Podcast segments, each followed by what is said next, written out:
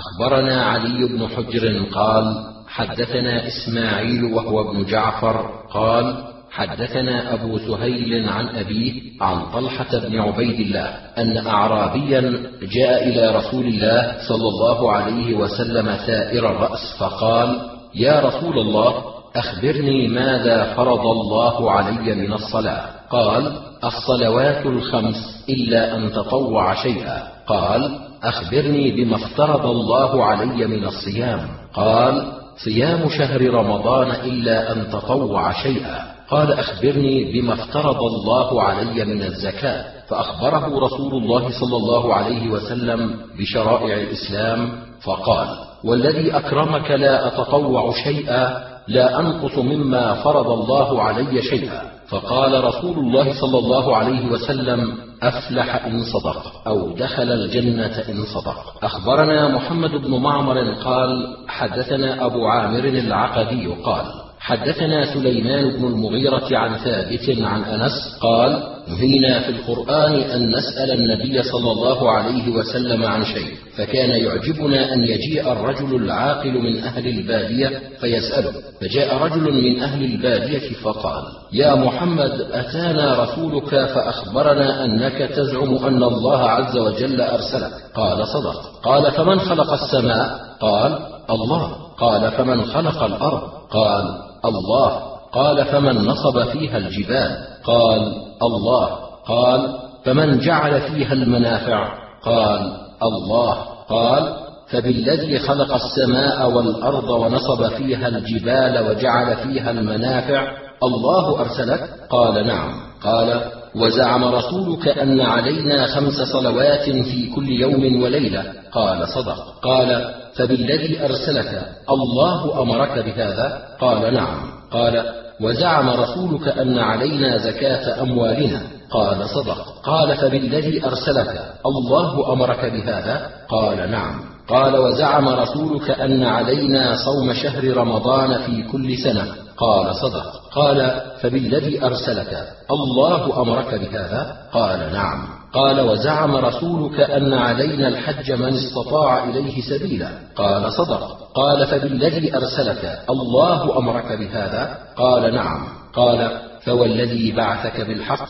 لا أزيدن عليهن شيئا ولا أنقص. فلما ولى قال النبي صلى الله عليه وسلم لئن صدق ليدخلن الجنة. أخبرنا عيسى بن حماد عن الليث عن سعيد عن شريك بن أبي نمر أنه سمع أنس بن مالك يقول بينا نحن جلوس في المسجد.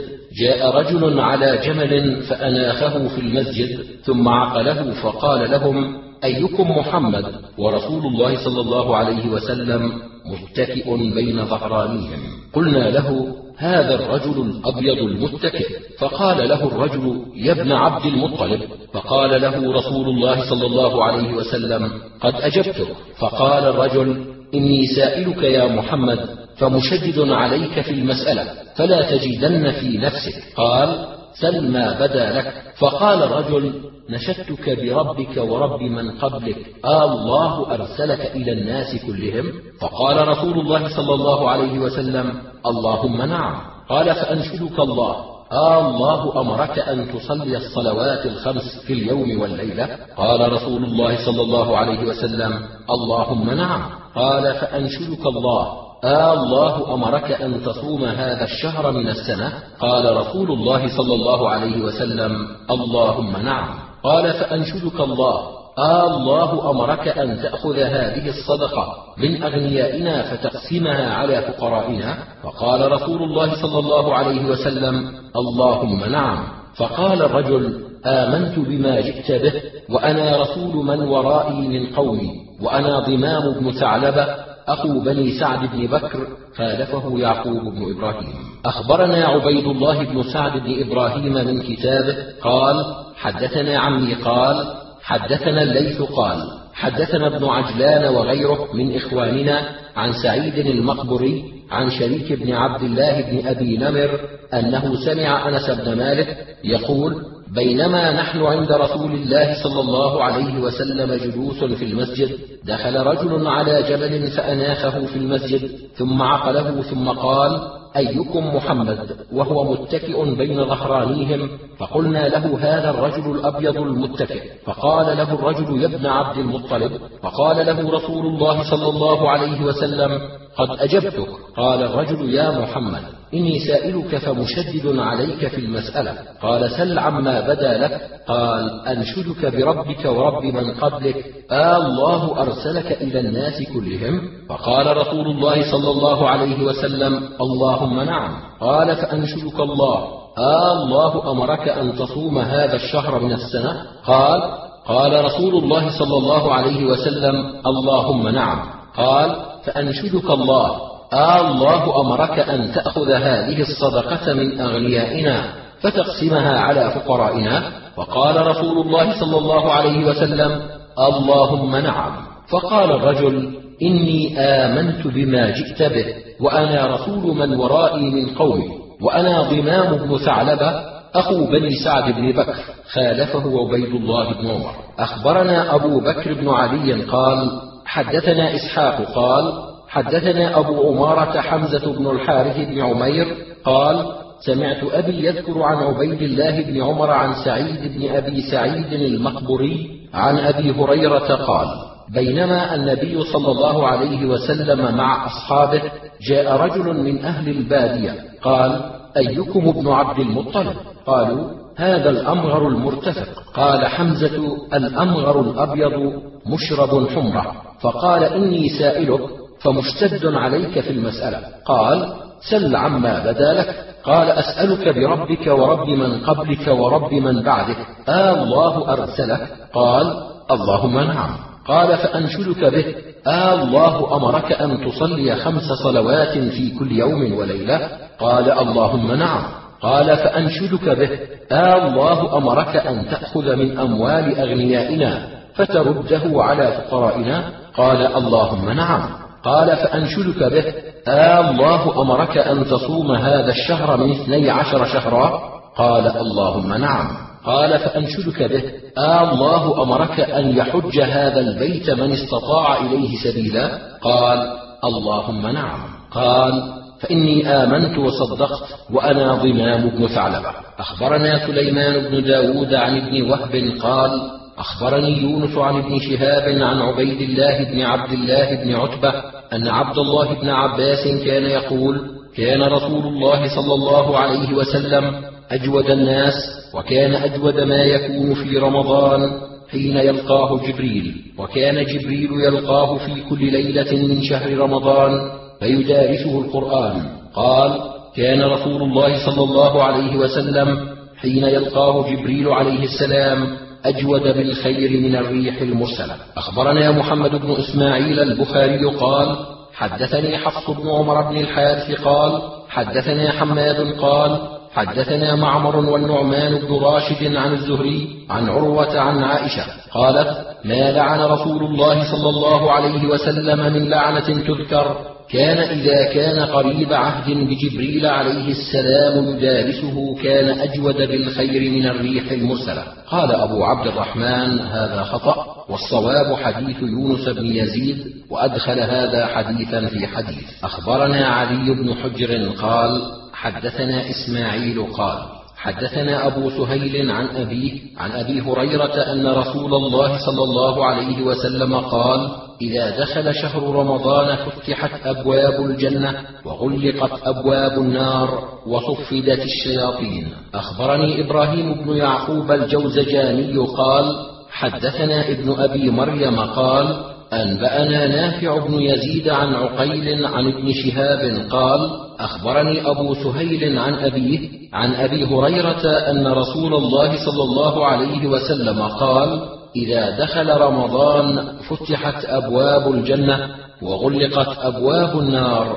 وصفدت الشياطين. أخبرنا عبد الله بن سعد بن إبراهيم قال حدثنا عمي قال حدثنا أبي عن صالح عن ابن شهاب قال أخبرني نافع بن أبي أنس أن أباه حدثه أنه سمع أبا هريرة يقول قال رسول الله صلى الله عليه وسلم إذا دخل رمضان فتحت أبواب الجنة وغلقت أبواب جهنم وسلسلة الشياطين أخبرنا محمد بن خالد قال حدثنا بشر بن شعيب عن أبيه عن الزهري. قال حدثني ابن أبي أنس مولى التيميين أن أباه حدثه أنه سمع أبا هريرة يقول قال رسول الله صلى الله عليه وسلم إذا جاء رمضان فتحت أبواب الرحمة وغلقت أبواب جهنم وسلسلة الشياطين أخبرنا الربيع بن سليمان في حديثه عن ابن وهب قال أخبرني يونس عن ابن شهاب عن ابن أبي أنس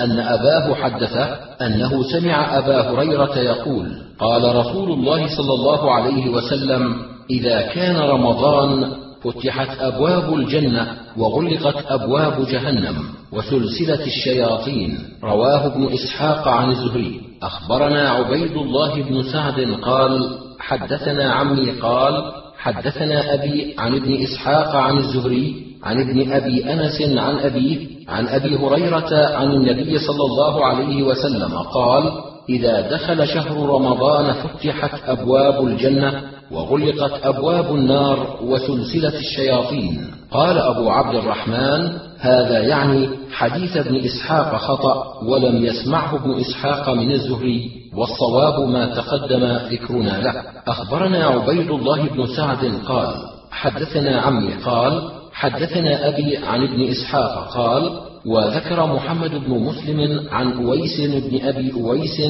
عديد بني تيم عن أنس بن مالك أن رسول الله صلى الله عليه وسلم قال هذا رمضان قد جاءكم تفتح فيه أبواب الجنة وتغلق فيه أبواب النار وتسلسل فيه الشياطين. قال أبو عبد الرحمن هذا الحديث خطأ. أخبرنا أبو بكر بن علي قال حدثنا أبو بكر بن أبي شيبة قال حدثنا عبد الأعلى عن معمر عن الزهري عن أبي سلمة عن أبي هريرة أن النبي صلى الله عليه وسلم كان يرغب في قيام رمضان من غير عزيمة وقال إذا دخل رمضان فتحت أبواب الجنة وغلقت أبواب الجحيم وسلسلت فيه الشياطين أرسله ابن المبارك. أخبرنا محمد بن حاتم قال أنبأنا حبان بن موسى خرساني قال أنبأنا عبد الله عن معمر عن الزهري عن أبي هريرة عن النبي صلى الله عليه وسلم. قال إذا دخل رمضان فتحت أبواب الرحمة وغلقت أبواب جهنم وسلسلة الشياطين. أخبرنا بشر بن هلال قال حدثنا عبد الوارث عن أيوب عن أبي قلابة عن أبي هريرة قال قال رسول الله صلى الله عليه وسلم أتاكم رمضان شهر مبارك فرض الله عز وجل عليكم صيامه تفتح فيه أبواب السماء تغلق فيه أبواب الجحيم وتغل فيه مردة الشياطين. لله فيه ليلة خير من ألف شهر. من حرم خيرها فقد حرم. أخبرنا محمد بن منصور قال حدثنا سفيان عن عطاء بن السائب عن عرفجة قال عدنا عتبة بن فرقد فتذاكرنا شهر رمضان فقال ما تذكرون؟ قلنا شهر رمضان. قال سمعت رسول الله صلى الله عليه وسلم يقول تفتح فيه أبواب الجنة وتغلق فيه أبواب النار وتغل فيه الشياطين وينادي مناد كل ليلة يا باغي الخير هلم ويا باغي الشر أقصر قال أبو عبد الرحمن هذا خطأ. أخبرنا محمد بن بشار قال حدثنا محمد قال حدثنا شعبة عن عطاء بن السائب عن عرفجة قال كنت في بيت فيه عتبة بن فرقد فأردت أن أحدث بحديث وكان رجل من أصحاب النبي صلى الله عليه وسلم كأنه أولى بالحديث مني. فحدث الرجل عن النبي صلى الله عليه وسلم قال في رمضان تفتح فيه أبواب السماء تغلق فيه أبواب النار ويصفد فيه كل شيطان مريد وينادي مناد كل ليلة يا طالب الخير هلم ويا طالب الشر أمسك. أخبرنا إسحاق بن إبراهيم قال أنبأنا يحيى بن سعيد قال أنبأنا المهلب بن أبي حبيبة وأنبأنا عبيد الله بن سعيد قال حدثنا يحيى عن المهلب بن أبي حبيبة قال أخبرني الحسن عن أبي بكرة عن النبي صلى الله عليه وسلم قال لا يقولن أحدكم صمت رمضان ولا قمته كله ولا أدري كره التزكية أو قال لا بد من غفلة ورقدة. اللفظ لعبيد الله. أخبرنا عمران بن يزيد بن خالد قال حدثنا شعيب قال أخبرني ابن جريج قال أخبرني عطاء قال سمعت ابن عباس يخبرنا قال قال رسول الله صلى الله عليه وسلم لامرأة من الأنصار إذا كان رمضان فاعتمري فيه فإن عمرة فيه تعدل حجة. أخبرنا علي بن حجر قال حدثنا إسماعيل قال حدثنا محمد وهو ابن أبي حرملة قال أخبرني كريب أن أم الفضل بعثته إلى معاوية بالشام قال فقدمت الشام فقضيت حاجتها واستهل علي هلال رمضان وأنا بالشام. فرأيت الهلال ليلة الجمعة ثم قدمت المدينة في آخر الشهر. فسألني عبد الله بن عباس ثم ذكر الهلال. فقال متى رأيتم؟ فقلت رأيناه ليلة الجمعة. قال أنت رأيته ليلة الجمعة؟ قلت نعم. ورآه الناس فصاموا وصام معاوية. قال لكن رأيناه ليلة السبت فلا نزال نصوم حتى نكمل ثلاثين يوما أو نراه. فقلت أولا تكتفي برؤية معاوية وأصحابه؟ قال لا هكذا أمرنا رسول الله صلى الله عليه وسلم. أخبرنا محمد بن عبد العزيز بن أبي رزمة قال أنبأنا الفضل بن موسى عن سفيان عن سماك عن عكرمة عن ابن عباس قال جاء أعرابي إلى النبي صلى الله عليه وسلم فقال رأيت الهلال. فقال أتشهد أن لا إله إلا الله وأن محمدا عبده ورسوله؟ قال نعم. فنادى النبي صلى الله عليه وسلم أن صوموا. أخبرنا موسى بن عبد الرحمن قال حدثنا حسين عن زائدة عن سماك عن عكرمة عن ابن عباس قال جاء أعرابي إلى النبي صلى الله عليه وسلم فقال أبصرت الهلال الليلة. قال أتشهد أن لا إله إلا الله وأن محمدا عبده ورسوله؟ قال نعم. قال يا بلال أذن في الناس فليصوموا غدا. أخبرنا أحمد بن سليمان عن أبي داود عن سفيان عن سماك عن عكرمة مرسل. أخبرنا محمد بن حاتم بن نعيم النصيصي قال أنبأنا حبان بن موسى المروزي قال أنبأنا عبد الله عن سفيان عن سماك عن عكرمة مرسل. أخبرني إبراهيم بن يعقوب قال حدثنا سعيد بن شبيب أبو عثمان وكان شيخا صالحا بطرسوس قال أنبأنا ابن أبي زائدة عن حسين بن الحارث الجدلي عن عبد الرحمن بن زيد بن الخطاب أنه خطب الناس في اليوم الذي يشك فيه فقال ألا إني جالست أصحاب رسول الله صلى الله عليه وسلم وساءلتهم وأنهم حدثوني أن رسول الله صلى الله عليه وسلم قال صوموا لرؤيته وأفطروا لرؤيته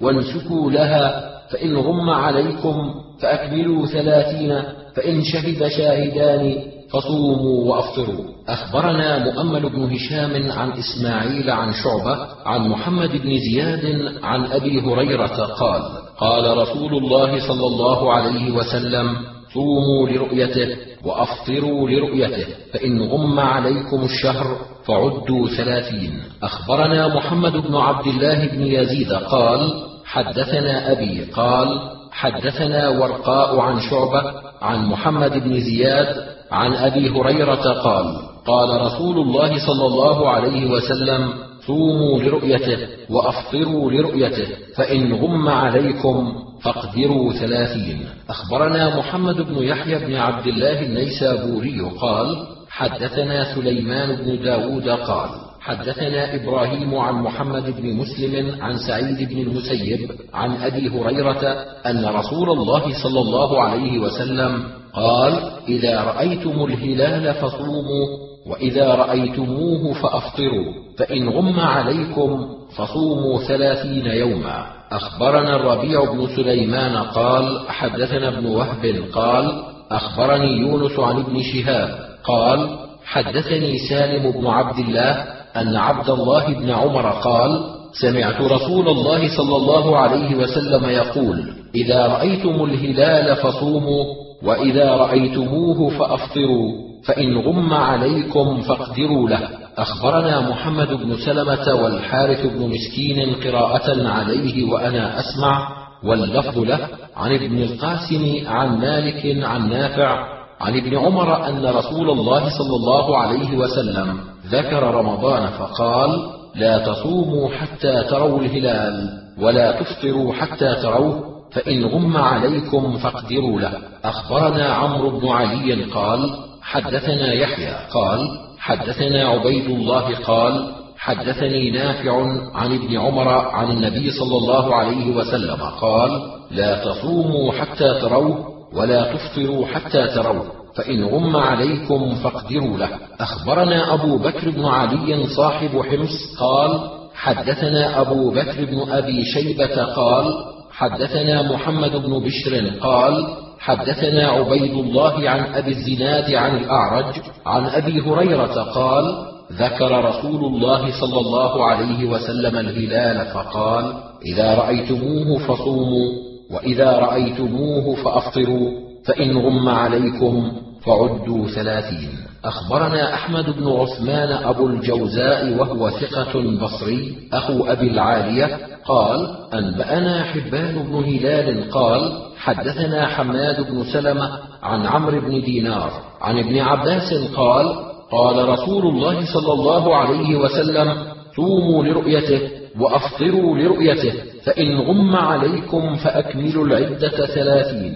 أخبرنا محمد بن عبد الله بن يزيد قال حدثنا سفيان عن عمرو بن دينار عن محمد بن حنين عن ابن عباس قال عجبت ممن يتقدم الشهر وقد قال رسول الله صلى الله عليه وسلم إذا رأيتم الهلال فصوموا وإذا رأيتموه فأفطروا فإن غم عليكم فأكملوا العدة ثلاثين. أخبرنا إسحاق بن إبراهيم قال أنبأنا جرير عن منصور عن ربعي بن حراش عن حذيفة بن اليمان عن رسول الله صلى الله عليه وسلم قال لا تقدموا الشهر حتى تروا الهلال قبله أو تكملوا العدة ثم صوموا حتى تروا الهلال أو تكملوا العدة قبله. أخبرنا محمد بن بشار قال حدثنا عبد الرحمن قال حدثنا سفيان عن منصور عن ربعي عن بعض أصحاب النبي صلى الله عليه وسلم قال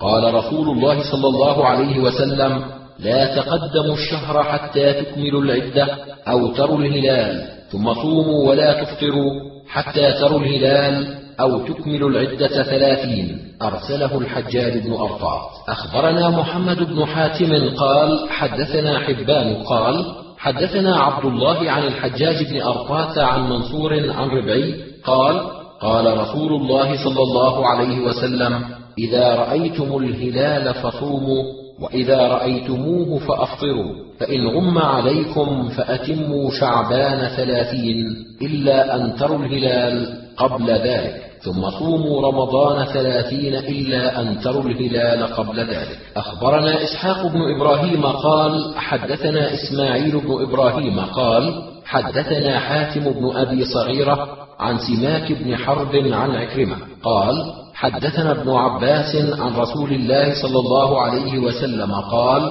صوموا لرؤيته وأفطروا لرؤيته فإن حال بينكم وبينه سحاب فأكملوا العدة ولا تستقبلوا الشهر استقبالا. أخبرنا قتيبة قال حدثنا أبو الأحوص عن سماك عن عكرمة عن ابن عباس قال قال رسول الله صلى الله عليه وسلم لا تصوموا قبل رمضان صوموا للرؤيا وأفطروا للرؤيا فإن حالت دونه غياية فأكملوا ثلاثين. أخبرنا نصر بن علي الجهضمي عن عبد الأعلى قال حدثنا معمر عن الزهري عن عروة عن عائشة قالت أقسم رسول الله صلى الله عليه وسلم أن لا يدخل على نسائه شهرا فلبث تسعا وعشرين فقلت أليس قد كنت آليت شهرا؟ فعددت الأيام تسعا وعشرين. فقال رسول الله صلى الله عليه وسلم الشهر تسع وعشرون. أخبرنا عبيد الله بن سعد بن إبراهيم قال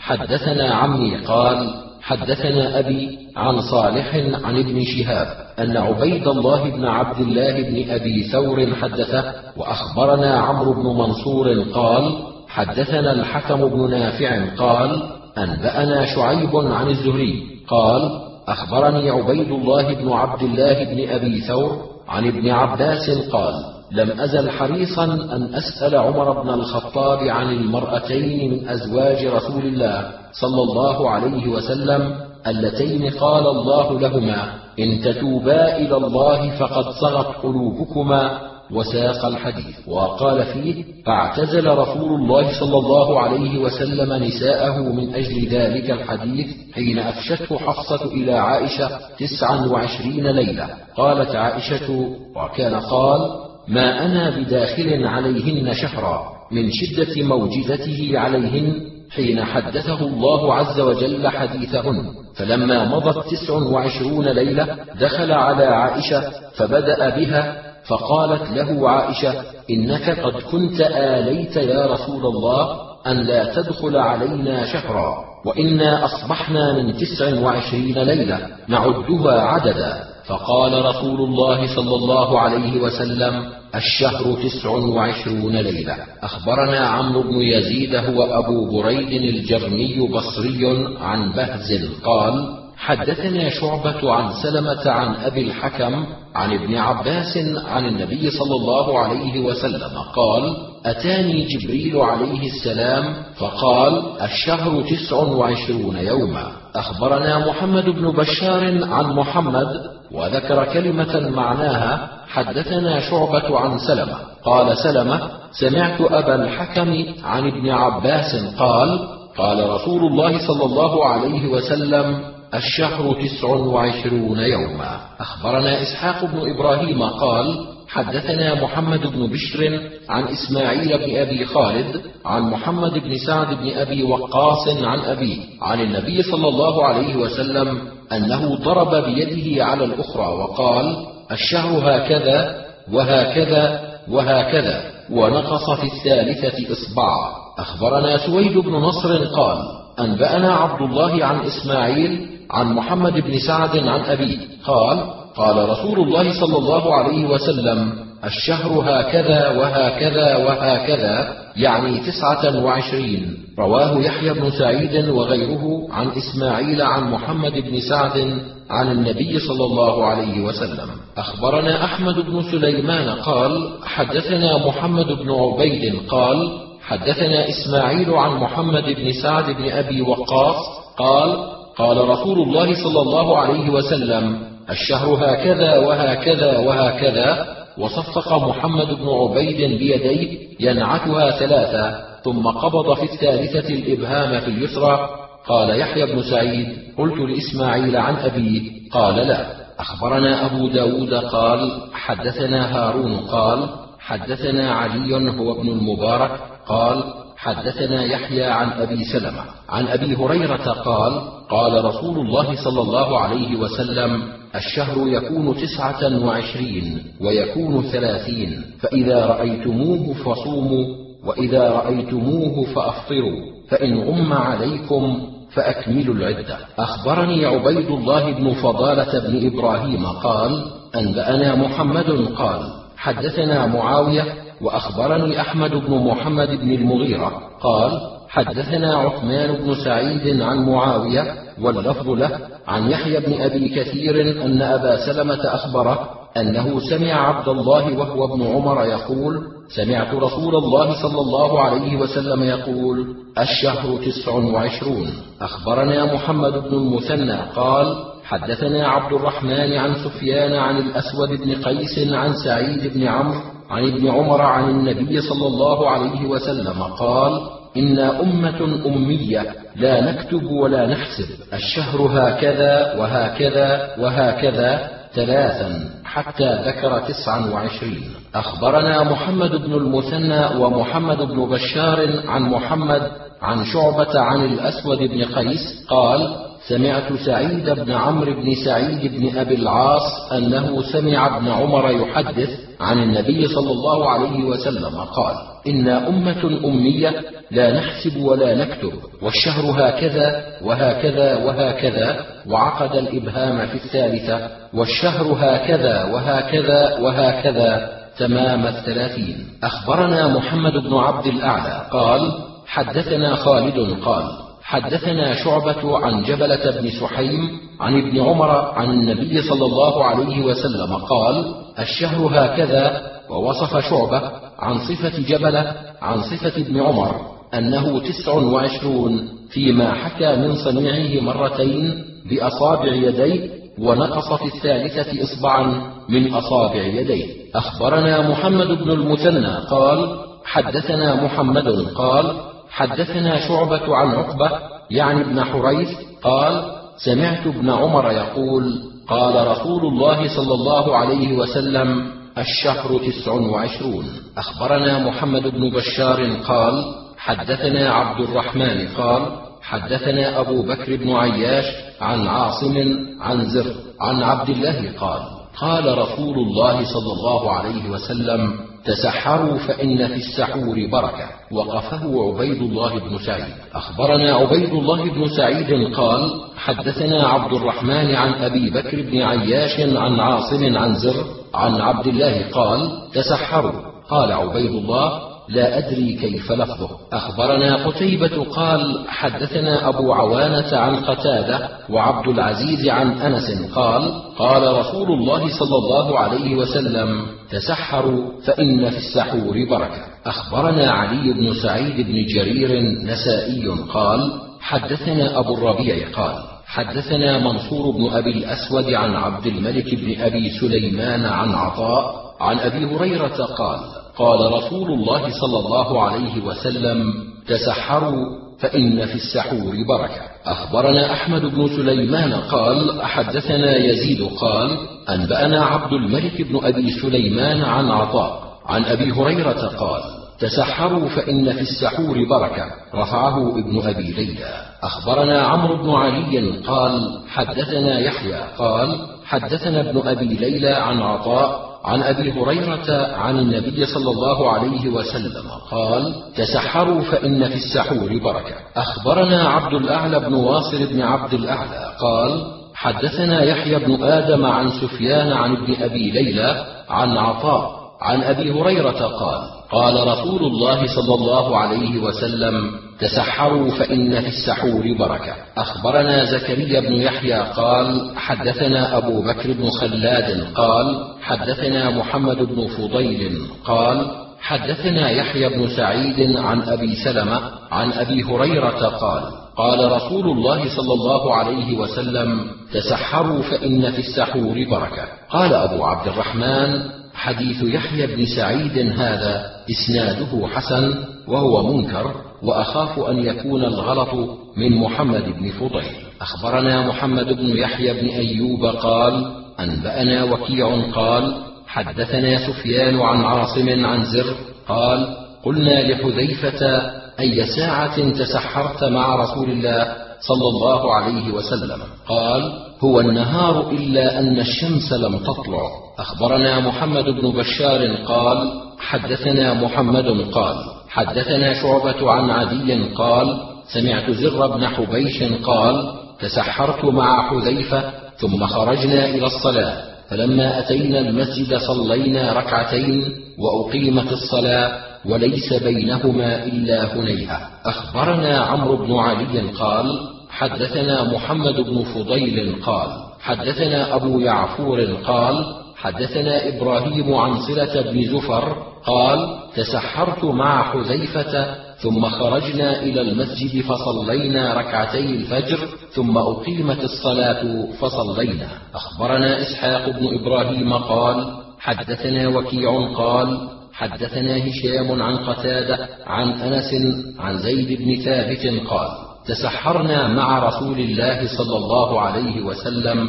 ثم قمنا إلى الصلاة قلت كم كان بينهما؟ قال قدر ما يقرأ الرجل خمسين آية. أخبرنا إسماعيل بن مسعود قال حدثنا خالد قال حدثنا هشام قال حدثنا قتادة عن أنس عن زيد بن ثابت قال تسحرنا مع رسول الله صلى الله عليه وسلم ثم قمنا إلى الصلاة. قلت زعم أن أنسا القائل ما كان بين ذلك؟ قال قدر ما يقرأ الرجل خمسين آية. أخبرنا أبو الأشعث قال حدثنا خالد قال حدثنا سعيد عن قتادة عن أنس رضي الله عنه قال تسحر رسول الله صلى الله عليه وسلم وزيد بن ثابت ثم قاما فدخلا في صلاة الصبح. فقلنا لأنس كم كان بين فراغهما ودخولهما في الصلاة؟ قال قدر ما يقرأ الإنسان خمسين آية.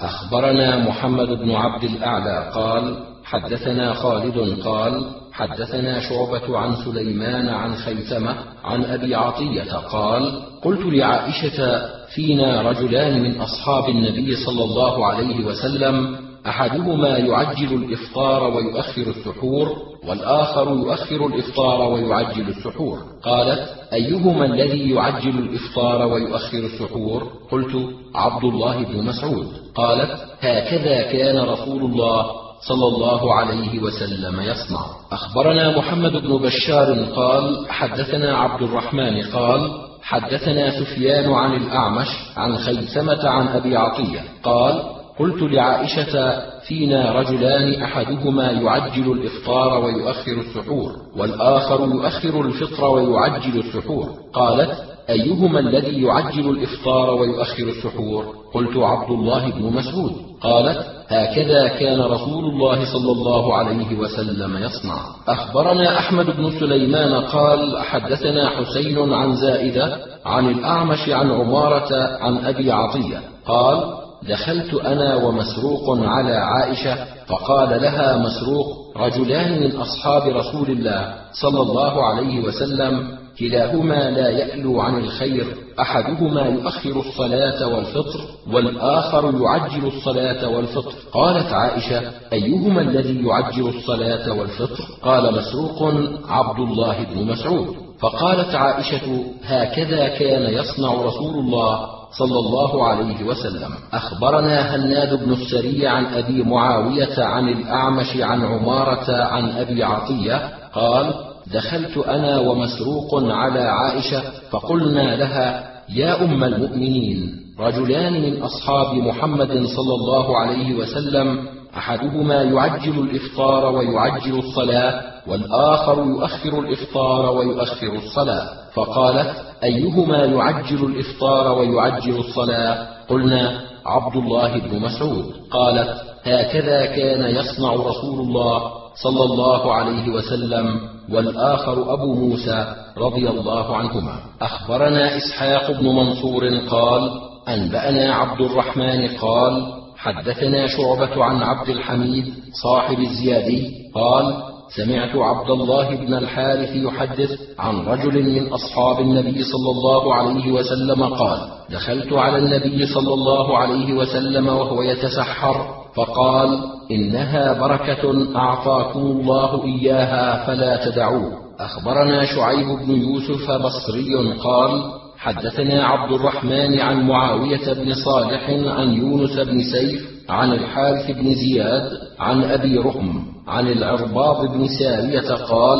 سمعت رسول الله صلى الله عليه وسلم وهو يدعو إلى السحور في شهر رمضان وقال هلموا إلى الغداء المبارك. أخبرنا سويد بن نصر قال أنبأنا عبد الله عن بقية بن الوليد قال أخبرني بحير بن سعد عن خالد بن معدان عن المقدام بن معدي كرب عن النبي صلى الله عليه وسلم قال عليكم بغداء السحور فإنه هو الغداء المبارك. أخبرنا عمرو بن علي قال حدثنا عبد الرحمن قال حدثنا سفيان عن ثور عن خالد بن معدان قال قال رسول الله صلى الله عليه وسلم لرجل هلم إلى الغداء المبارك يعني السحور. أخبرنا قتيبة قال حدثنا الليث عن موسى بن علي عن ابيه عن أبي قيس عن عمرو بن العاص قال قال رسول الله صلى الله عليه وسلم إن فصل ما بين صيامنا وصيام أهل الكتاب أكلة السحور. أخبرنا إسحاق بن إبراهيم قال أنبأنا عبد الرزاق قال أنبأنا معمر عن قتادة عن أنس قال قال رسول الله صلى الله عليه وسلم وذلك عند السحور. يا أنس إني أريد الصيام أطعمني شيئا فأتيته بتمر وإناء فيه ماء وذلك بعدما أذن بلال فقال يا أنس انظر رجلا يأكل معي. فدعوت زيد بن ثابت فجاء فقال إني قد شربت شربة سويق وأنا أريد الصيام. فقال رسول الله صلى الله عليه وسلم وأنا أريد الصيام. فتسحر معه ثم قام فصلى ركعتين ثم خرج إلى الصلاة. أخبرني هلال بن العلاء بن هلال قال حدثنا حسين بن عياش قال حدثنا زهير قال حدثنا أبو إسحاق عن البراء بن عازب أن أحدهم كان إذا نام قبل أن يتعشى لم يحل له أن يأكل شيئا ولا يشرب ليلته ويومه من الغد حتى تغرب الشمس حتى نزلت هذه الآية وكلوا واشربوا إلى الخيط الأسود قال ونزلت في أبي قيس بن عمرو أتى أهله وهو صائم بعد المغرب فقال هل من شيء؟ فقالت امرأته ما عندنا شيء ولكن اخرج التمس لك عشاء. فخرجت ووضع رأسه فنام فرجعت إليه فوجدته نائما وأيقظته فلم يطعم شيئا وبات وأصبح صائما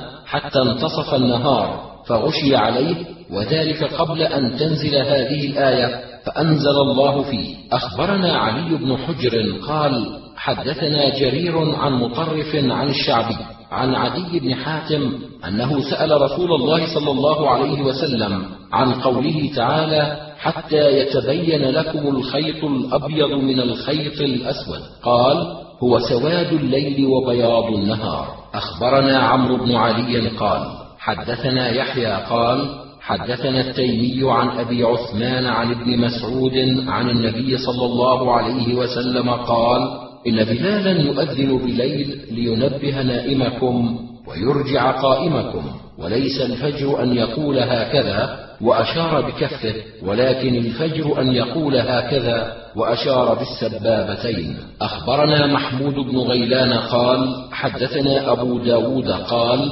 حدثنا شعبة أنبأنا سوادة بن حنظلة قال سمعت سمرة يقول قال رسول الله صلى الله عليه وسلم لا يغرنكم أذان بلال ولا هذا البياض حتى ينفجر الفجر هكذا وهكذا يعني معترضا. قال أبو داود وبسط بيديه يمينا وشمالا مادا يديه. أخبرنا إسحاق بن إبراهيم قال أنبأنا الوليد عن الأوزاعي عن يحيى عن أبي سلمة عن أبي هريرة عن رسول الله صلى الله عليه وسلم قال لا تقدموا قبل الشهر بصيام إلا رجل كان يصوم صياما أتى ذلك اليوم على صيامه. أخبرنا عمران بن يزيد بن خالد قال حدثنا محمد بن شعيب قال أنبأنا الأوزاعي عن يحيى قال حدثني أبو سلمة قال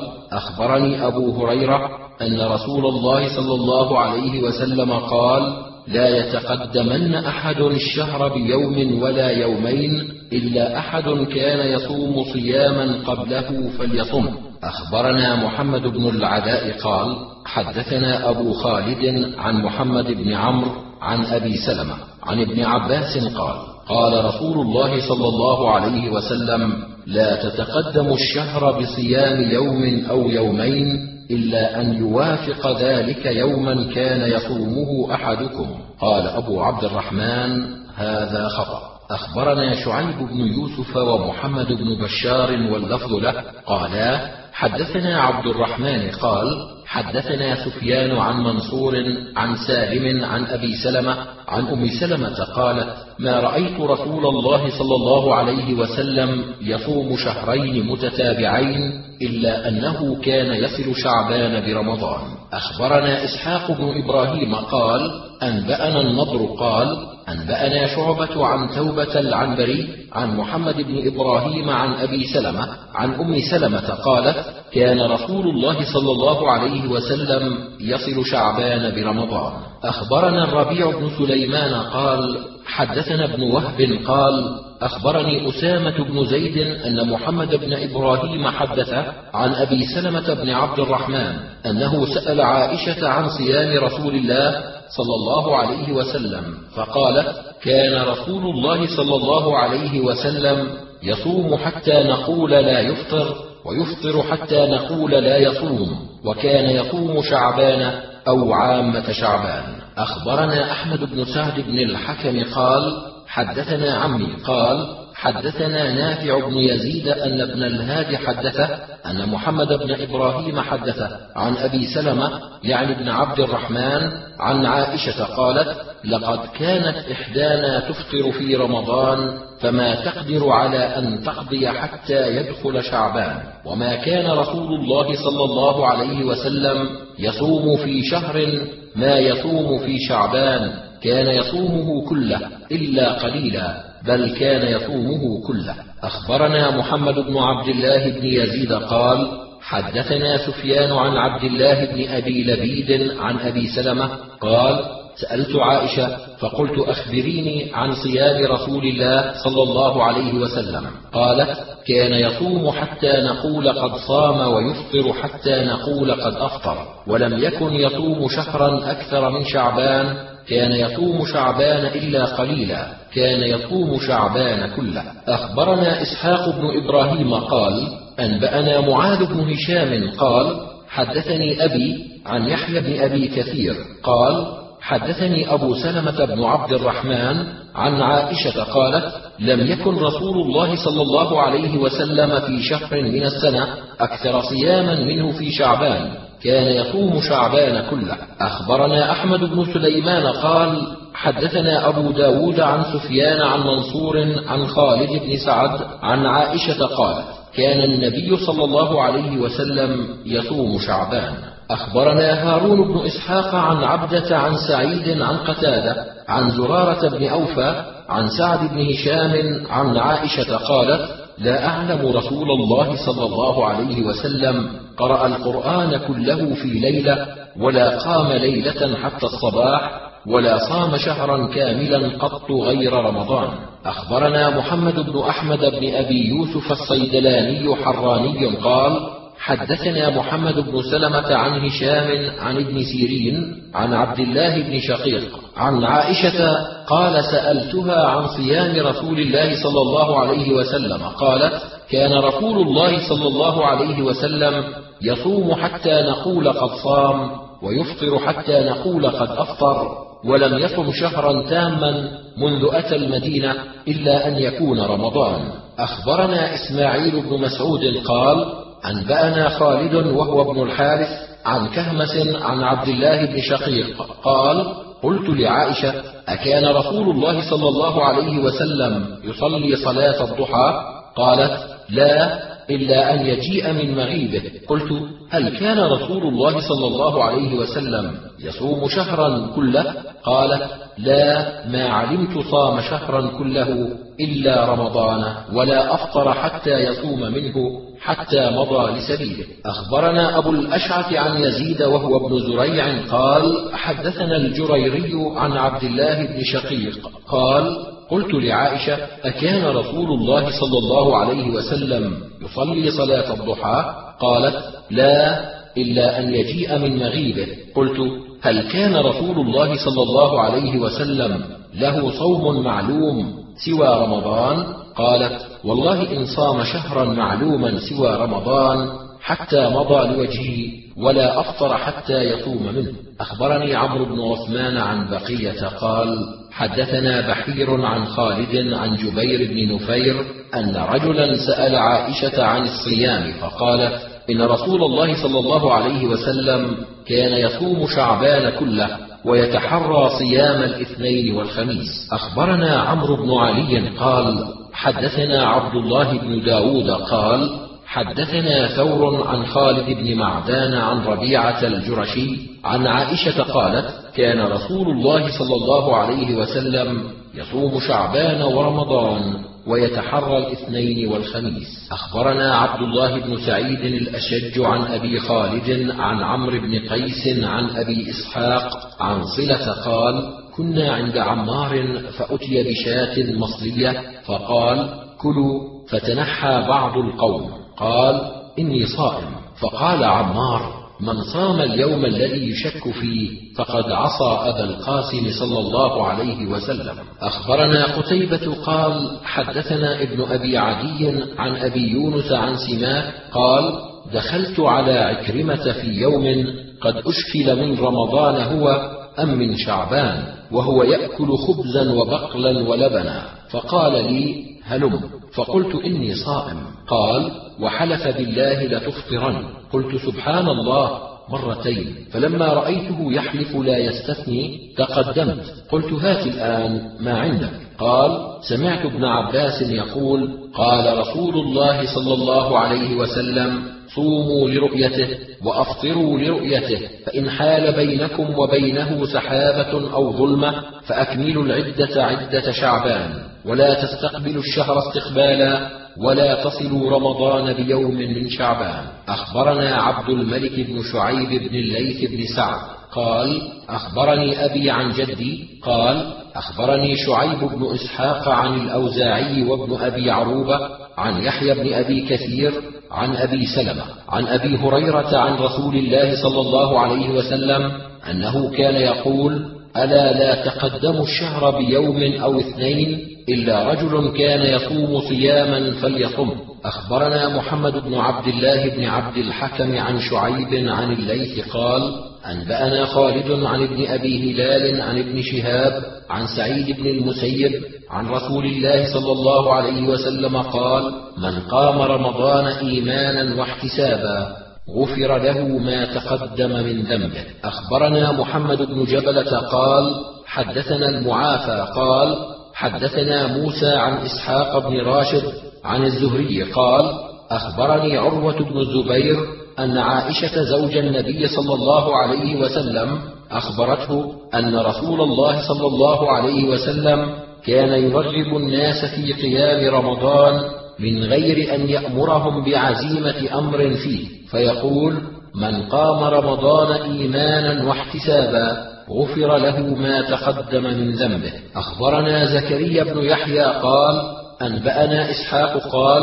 أنبأنا عبد الله بن الحارث عن يونس الأيلي عن الزهري قال أخبرني عروة بن الزبير أن عائشة أخبرت أن رسول الله صلى الله عليه وسلم خرج في جوف الليل يصلي في المسجد فصلى بالناس وساق الحديث وفيه قالت فكان يرغبهم في قيام رمضان من غير أن يأمرهم بعزيمة ويقول من قام ليلة القدر إيمانا واحتسابا. غفر له ما تقدم من ذنبه. قال فتوفي رسول الله صلى الله عليه وسلم والأمر على ذلك. أخبرنا الربيع بن سليمان قال حدثنا ابن وهب قال أخبرني يونس عن ابن شهاب قال أخبرني أبو سلمة بن عبد الرحمن أن أبا هريرة قال سمعت رسول الله صلى الله عليه وسلم يقول في رمضان من قامه إيمانا واحتسابا غفر له ما تقدم من ذنبه. أخبرني محمد بن خالد قال حدثنا بشر بن شعيب عن أبيه عن الزهري قال أخبرني عروة بن الزبير أن عائشة أخبرت أن رسول الله صلى الله عليه وسلم خرج من جوف الليل فصلى في المسجد وساق الحديث وقال فيه وكان رسول الله صلى الله عليه وسلم يرغبهم في قيام رمضان من غير أن يأمرهم بعزيمة أمر فيه فيقول من قام رمضان إيمانا واحتسابا غفر له ما تقدم من ذنبه. أخبرنا محمد بن خالد قال حدثنا بشر بن شعيب عن أبيه عن الزهري. قال حدثنا أبو سلمة بن عبد الرحمن أن أبا هريرة قال سمعت رسول الله صلى الله عليه وسلم يقول لرمضان من قامه إيمانا واحتسابا غفر له ما تقدم من ذنبه. أخبرنا أبو داود قال حدثنا يعقوب بن إبراهيم قال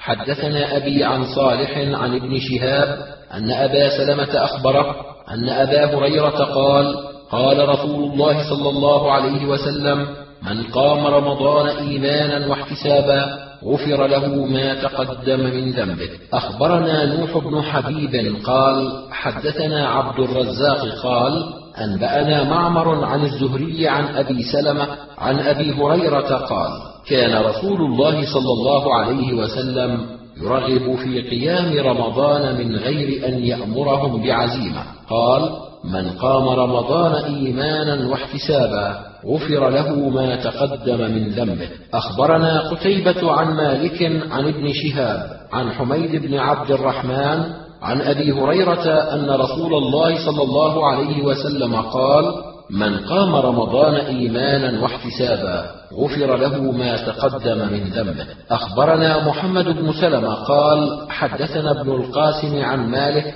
قال حدثني ابن شهاب عن حميد بن عبد الرحمن عن أبي هريرة أن رسول الله صلى الله عليه وسلم قال من قام رمضان إيمانا واحتسابا غفر له ما تقدم من ذنبه. أخبرني محمد بن إسماعيل قال حدثنا عبد الله بن محمد بن أسماء قال حدثنا جويرية عن مالك قال زهري أخبرني أبو سلمة بن عبد الرحمن وحميد بن عبد الرحمن عن أبي هريرة أن رسول الله صلى الله عليه وسلم قال من قام رمضان إيمانا واحتسابا غفر له ما تقدم من ذنبه. أخبرنا قتيبة ومحمد بن عبد الله بن يزيد قالا حدثنا سفيان عن الزهري عن أبي سلمة عن أبي هريرة عن النبي صلى الله عليه وسلم قال من صام رمضان وفي حديث قتيبة أن النبي صلى الله عليه وسلم قال: من قام شهر رمضان إيمانا واحتسابا غفر له ما تقدم من ذنبه، ومن قام ليلة القدر إيمانا واحتسابا. غفر له ما تقدم من ذنبه. أخبرنا قتيبة قال: حدثنا سفيان عن الزهري عن أبي سلمة عن أبي هريرة أن النبي صلى الله عليه وسلم قال من صام رمضان إيمانا واحتسابا غفر له ما تقدم من ذنبه أخبرنا إسحاق بن إبراهيم قال حدثنا سفيان عن الزهري عن ابن سلمة عن أبي هريرة قال قال رسول الله صلى الله عليه وسلم من صام رمضان إيمانا واحتسابا غفر له ما تقدم من ذنبه. أخبرنا علي بن المنذر قال حدثنا ابن فضيل قال حدثنا يحيى بن سعيد عن أبي سلمة عن أبي هريرة رضي الله عنه قال رسول الله صلى الله عليه وسلم من صام رمضان إيمانا واحتسابا غفر له ما تقدم من ذنبه. أخبرني محمد بن عبد الأعلى ومحمد بن هشام وأبو الأشعث واللفظ له. قالوا حدثنا خالد قال حدثنا هشام عن يحيى بن أبي كثير عن أبي سلمة بن عبد الرحمن قال حدثني أبو هريرة أن رسول الله صلى الله عليه وسلم قال من قام رمضان إيمانا واحتسابا غفر له ما تقدم من ذنبه ومن قام ليلة القدر إيمانا واحتسابا غفر له ما تقدم من ذنبه. أخبرني محمود بن خالد عن مروان أنبأنا معاوية بن سلام عن يحيى بن أبي كثير عن أبي سلمة عن أبي هريرة قال قال رسول الله صلى الله عليه وسلم من قام شهر رمضان إيمانا واحتسابا غفر له ما تقدم من ذنبه. ومن قام ليلة القدر إيمانا واحتسابا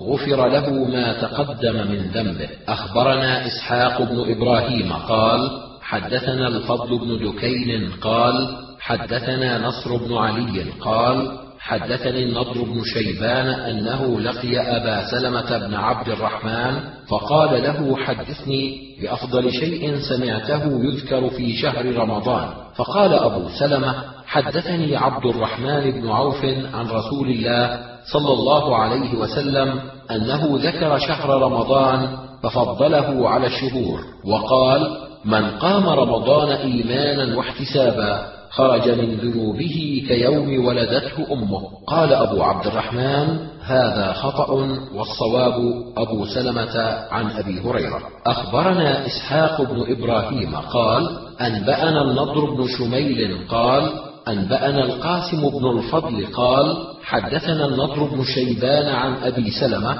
فذكر مثله وقال من صامه وقامه إيمانا واحتسابا. أخبرنا محمد بن عبد الله بن المبارك قال حدثنا أبو هشام قال حدثنا القاسم بن الفضل قال حدثنا النضر بن شيبان قال قلت لأبي سلمة بن عبد الرحمن حدثني بشيء سمعته من أبيك سمعه أبوك من رسول الله صلى الله عليه وسلم ليس بين أبيك وبين رسول الله صلى الله عليه وسلم أحد في شهر رمضان.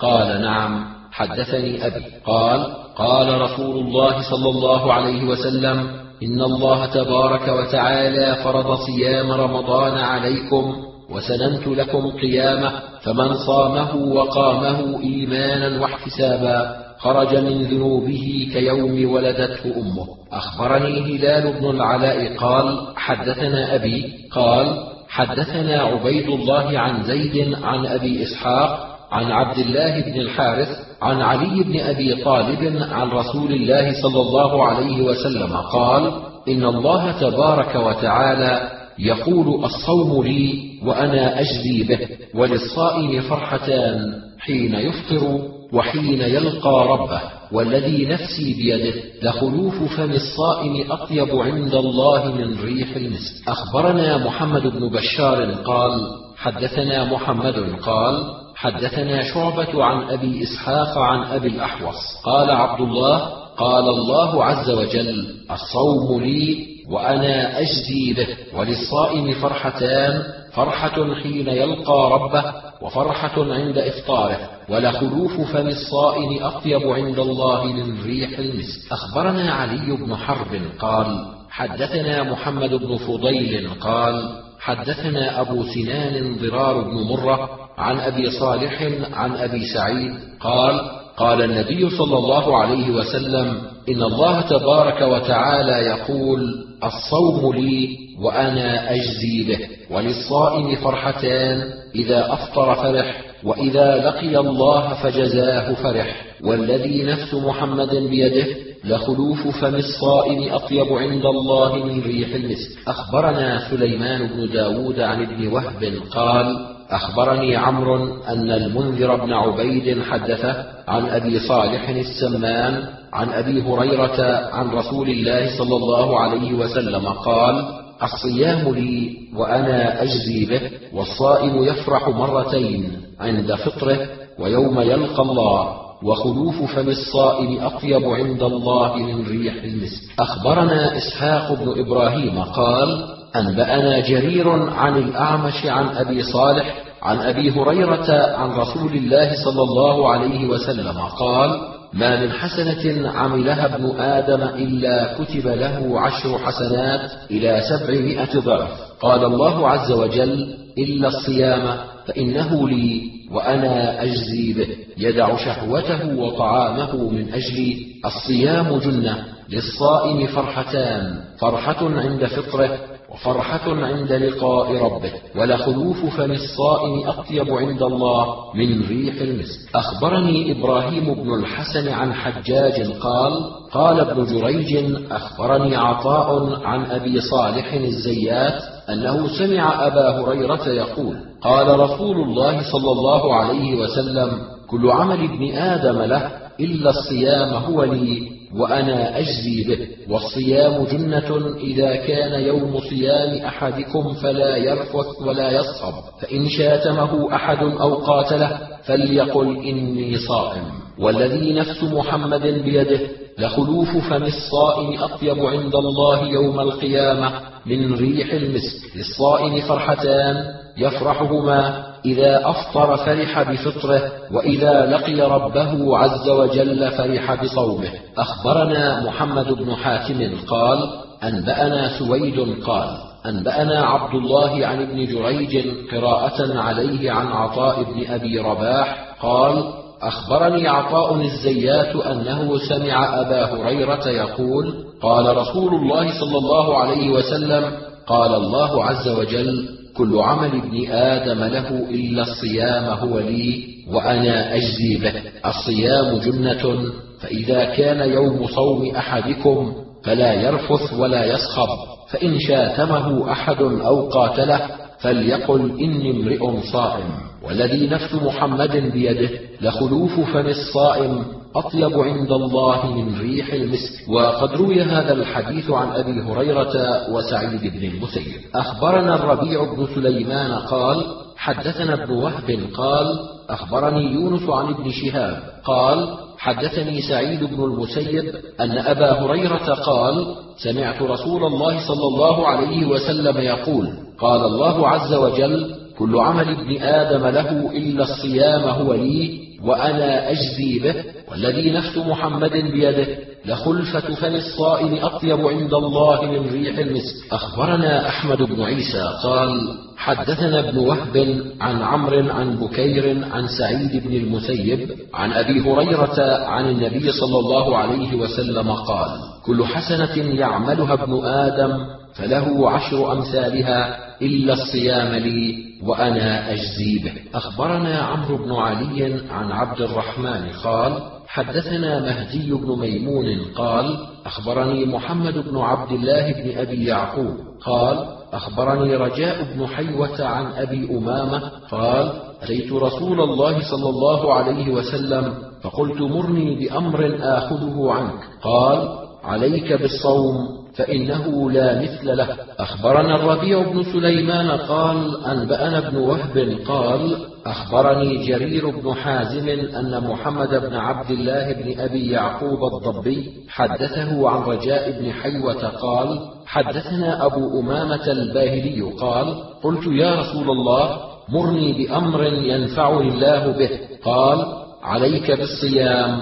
فإنه لا مثل له. أخبرني عبد الله بن محمد الضعيف شيخ صالح والضعيف لقب لكثرة عبادته. قال أخبرنا يعقوب الحضرمي قال حدثنا شعبة عن محمد بن عبد الله بن أبي يعقوب عن أبي نصر عن رجاء بن حيوة عن أبي أمام أنه سأل رسول الله صلى الله عليه وسلم أي العمل أفضل؟ قال عليك بالصوم. فإنه لا عدل له. أخبرنا يحيى بن محمد هو ابن السكن أبو عبيد الله قال حدثنا يحيى بن كثير قال حدثنا شعبة عن محمد بن أبي يعقوب الضبي عن أبي نصر الهلالي عن رجاء بن حيوة عن أبي أمامة قال قلت يا رسول الله مرني بعمل. قال عليك بالصوم فإنه لا عدل له. قلت يا رسول الله مرني بعمل. قال عليك بالصوم فإنه لا عدل له. أخبرنا محمد بن إسماعيل بن سمرة قال حدثنا المحاربي عن فطر أخبرني حبيب بن أبي ثابت عن الحكم بن عتيبة عن ميمون بن أبي شبيب عن معاذ بن جبل قال قال رسول الله صلى الله عليه وسلم الصوم جنة. أخبرنا محمد بن المثنى قال حدثنا يحيى بن حماد قال حدثنا أبو عوانة عن سليمان عن حبيب بن أبي ثابت والحكم عن ميمون بن أبي شبيب عن معاذ بن جبل قال قال رسول الله صلى الله عليه وسلم الصوم جنة. أخبرنا محمد بن المثنى ومحمد بن بشار. قال حدثنا محمد قال حدثنا شعبة عن الحكم قال سمعت عروة بن النزال يحدث عن معاذ قال قال رسول الله صلى الله عليه وسلم الصوم جنة أخبرني إبراهيم بن الحسن عن حجاج عن شعبة قال لي الحكم سمعته منه منذ أربعين سنة. ثم قال الحكم وحدثني به ميمون بن أبي شبيب بن معاذ بن جبل. أخبرنا إبراهيم بن الحسن عن حجاج قال ابن جريج أخبرني عطاء عن أبي صالح الزيات أنه سمع أبا هريرة يقول قال رسول الله صلى الله عليه وسلم الصيام جنة. وأخبرنا محمد بن حاتم أنبأنا سويد قال أنبأنا عبد الله عن ابن جريج قراءة عن عطاء قال أنبأنا عطاء الزيات أنه سمع أبا هريرة يقول قال رسول الله صلى الله عليه وسلم الصيام جنة. أخبرنا قتيبة قال حدثنا الليث عن يزيد بن أبي حبيب عن سعيد بن أبي هند أن مطرفا رجلا من بني عامر بن صعصعة حدثه أن عثمان بن أبي العاص دعا له بلبن ليسقيه فقال مطرف إني صائم. فقال عثمان سمعت رسول الله صلى الله عليه وسلم يقول الصيام جنة كجنة أحدكم من القتال أخبرنا علي بن الحسين قال حدثنا ابن أبي عدي عن ابن إسحاق عن سعيد بن أبي هند عن مطرف قال دخلت على عثمان بن أبي العاص فدعا بلبن فقلت إني صائم. فقال سمعت رسول الله صلى الله عليه وسلم يقول الصوم جنة من النار كجنة أحدكم من القتال.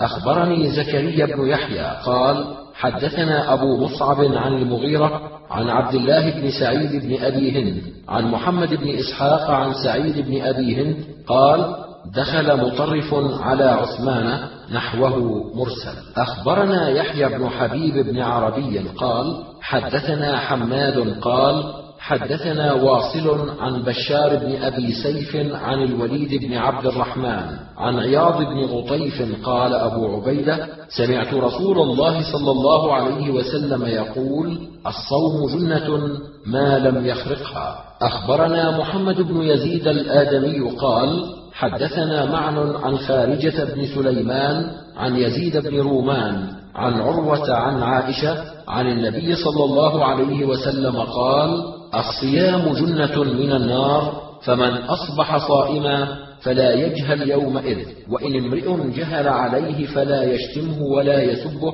وليقل إني صائم والذي نفس محمد بيده لخلوف فم الصائم أطيب عند الله من ريح المسك. أخبرنا محمد بن حاتم قال أنبأنا حبان قال أنبأنا عبد الله عن مسعر عن الوليد بن أبي مالك قال حدثنا أصحابنا عن أبي عبيدة قال الصيام جنة ما لم يخرقها أخبرنا علي بن حجر قال أنبأنا سعيد بن عبد الرحمن عن أبي حازم عن سهل بن سعد عن النبي صلى الله عليه وسلم قال للصائمين باب في الجنة يقال له الريان لا يدخل فيه أحد غيرهم فإذا دخل آخرهم أغلق من دخل فيه شرب ومن شرب لم يظمأ أبدا. أخبرنا قتيبة قال حدثنا يعقوب عن أبي حازم قال حدثني سهل أن في الجنة بابا يقال له الريان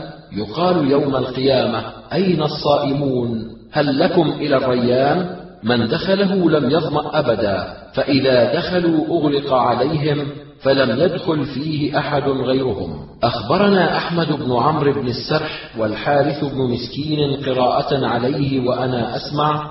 عن ابن وهب قال أخبرني مالك ويونس عن ابن شهاب عن حميد بن عبد الرحمن عن أبي هريرة عن رسول الله صلى الله عليه وسلم قال من أنفق زوجين في سبيل الله عز وجل نودي في الجنة يا عبد الله هذا خير فمن كان من أهل الصلاة يدعى من باب الصلاة ومن كان من أهل الجهاد يدعى من باب الجهاد ومن كان من أهل الصدقة يدعى من باب الصدقة ومن كان من أهل الصيام دعي من باب الريان. قال أبو بكر الصديق يا رسول الله ما على أحد يدعى من تلك الأبواب من ضرورة فهل يدعى أحد من تلك الأبواب كلها؟ قال رسول الله صلى الله عليه وسلم نعم وأرجو أن تكون منهم. أخبرنا محمود بن غيلان قال حدثنا أبو أحمد قال حدثنا سفيان عن الأعمش عن عمارة بن عمير عن عبد الرحمن بن يزيد عن عبد الله قال خرجنا مع رسول الله صلى الله عليه وسلم ونحن شباب لا نقدر على شيء. قال يا معشر الشباب عليكم بالباءة فإنه أغض للبصر وأحصن للفرج ومن لم يستطع فعليه بالصوم فإنه له وجاء. أخبرنا بشر بن خالد قال حدثنا محمد بن جعفر عن شعبة عن سليمان عن إبراهيم عن علقمة أن ابن مسعود لقي عثمان بعرفات فخلا به فحدثه وأن عثمان قال لابن مسعود هل لك في فتاة أزوجكها؟ فدعا عبد الله علقمة فحدثه أن النبي صلى الله عليه وسلم قال من استطاع منكم الباءة فليتزوج. فإنه أغض للبصر وأحصن للفرج ومن لم يستطع فليصم فإن الصوم له وجاء. أخبرنا هارون بن إسحاق قال حدثنا المحاربي عن الأعمش عن إبراهيم عن علقمة والأسود عن عبد الله قال قال رسول الله صلى الله عليه وسلم من استطاع منكم الباءة فليتزوج ومن لم يجد فعليه بالصوم فإنه له وجاء. أخبرني هلال بن العلاء بن هلال قال حدثنا أبي قال حدثنا علي بن هاشم عن الأعمش عن عمارة عن عبد الرحمن بن يزيد قال دخلنا على عبد الله ومعنا علقمة والأسود وجماعة فحدثنا بحديث ما رأيته حدث به القوم إلا من أجلي لأني كنت أحدثهم سنا. قال رسول الله صلى الله عليه وسلم يا معشر الشباب من استطاع منكم الباءة فليتزوج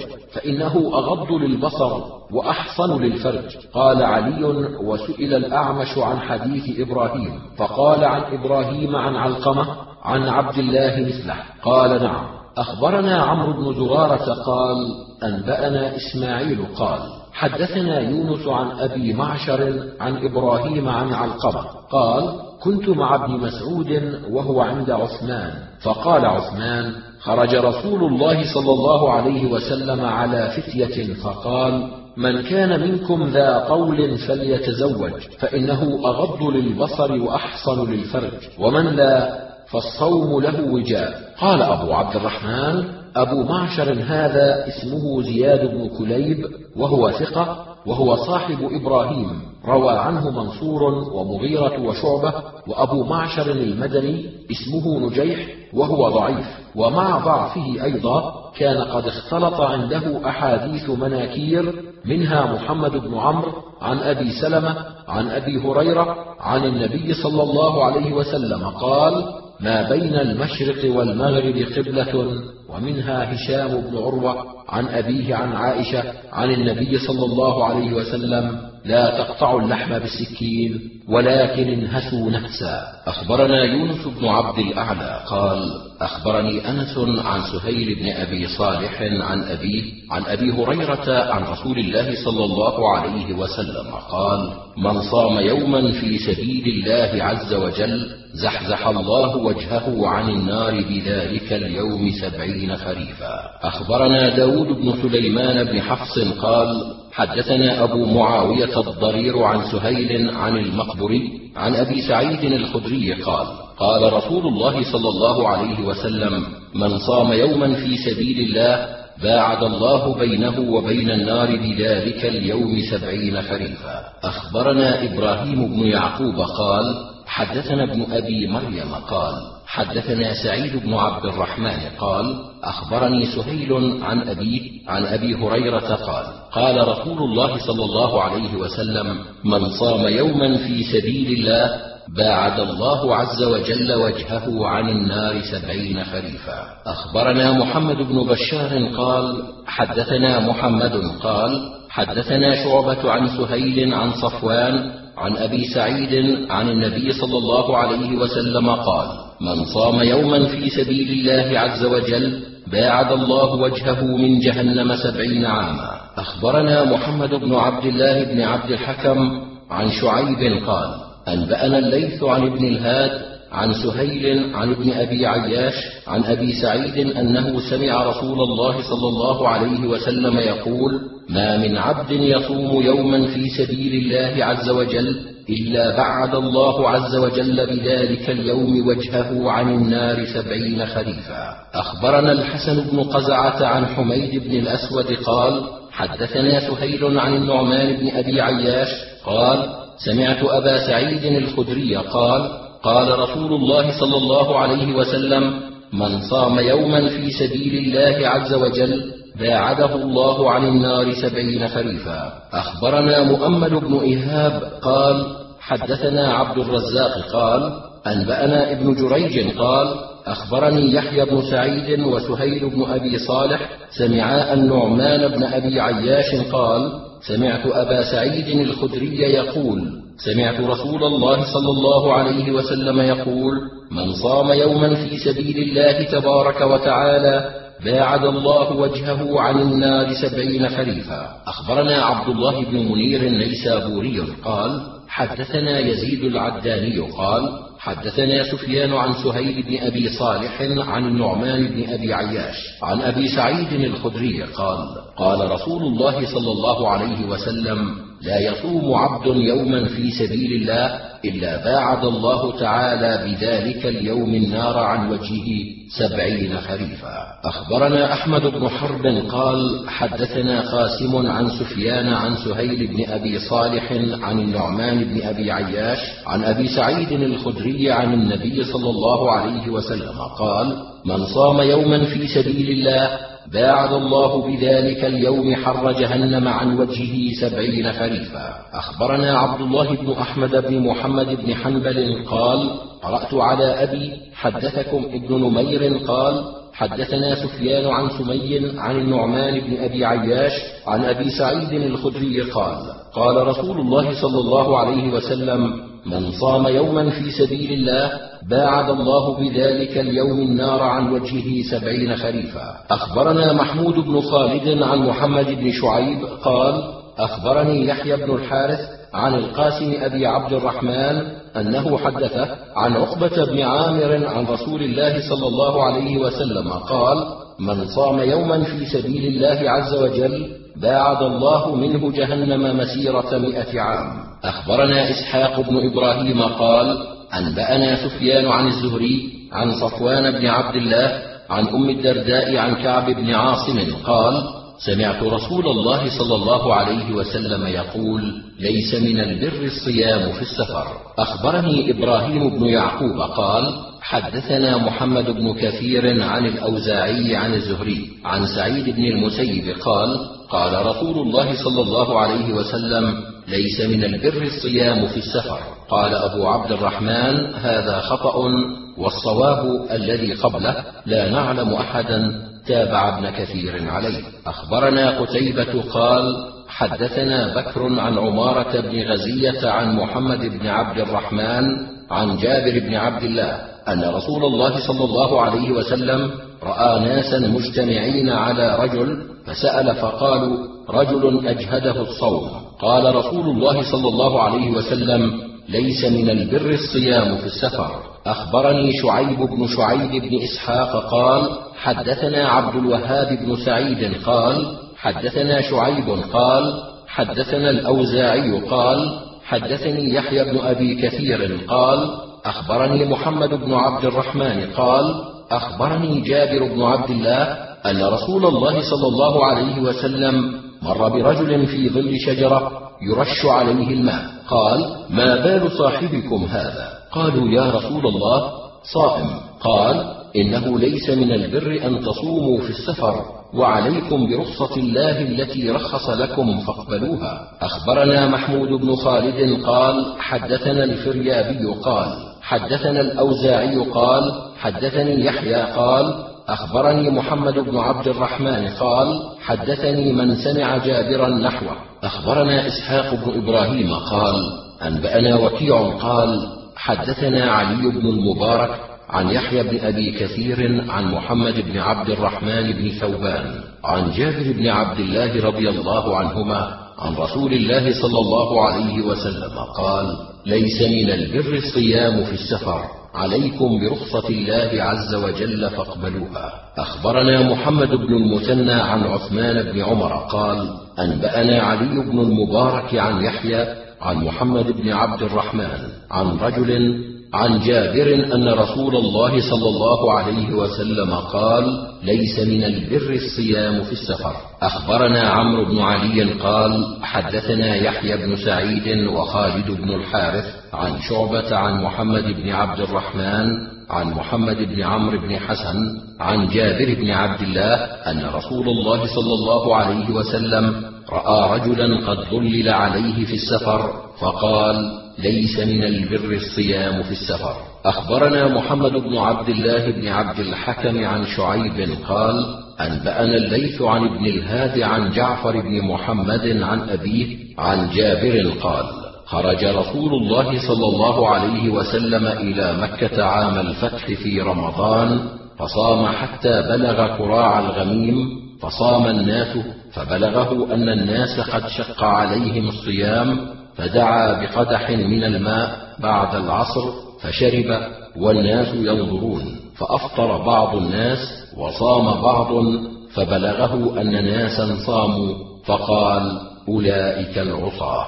أخبرنا هارون بن عبد الله وعبد الرحمن بن محمد بن سلام قالا حدثنا أبو داود عن سفيان عن الأوزاعي عن يحيى عن أبي سلمة عن أبي هريرة قال أتي النبي صلى الله عليه وسلم بطعام بمر الظهران فقال لأبي بكر وعمر أدنيا فكلا فقالا إنا صائمان. فقال ارحلوا لصاحبيكم اعملوا لصاحبيكم. أخبرنا عمران بن يزيد قال حدثنا محمد بن شعيب قال أخبرني الأوزاعي عن يحيى أنه حدثه عن أبي سلمة أن رسول الله صلى الله عليه وسلم قال بينما رسول الله صلى الله عليه وسلم يتغدى بمر الظهران ومعه أبو بكر وعمر فقال الغداء. مرسل.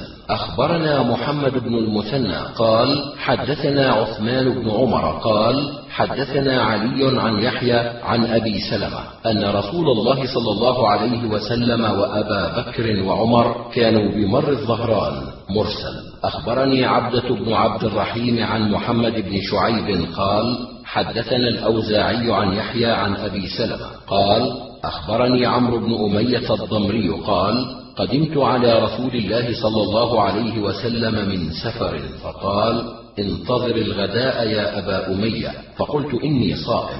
فقال تعال ابن مني حتى أخبرك عن المسافر. إن الله عز وجل وضع عنه الصيام ونصف الصلاة. أخبرني عمرو بن عثمان قال حدثنا الوليد عن الأوزاعي قال حدثني يحيى بن أبي كثير قال حدثني أبو قلابة قال حدثني جعفر بن عمرو بن أمية الضمري عن أبيه قال قدمت على رسول الله صلى الله عليه وسلم فقال لي رسول الله صلى الله عليه وسلم ألا تنتظر الغداء يا أبا أمية؟ قلت إني صائم.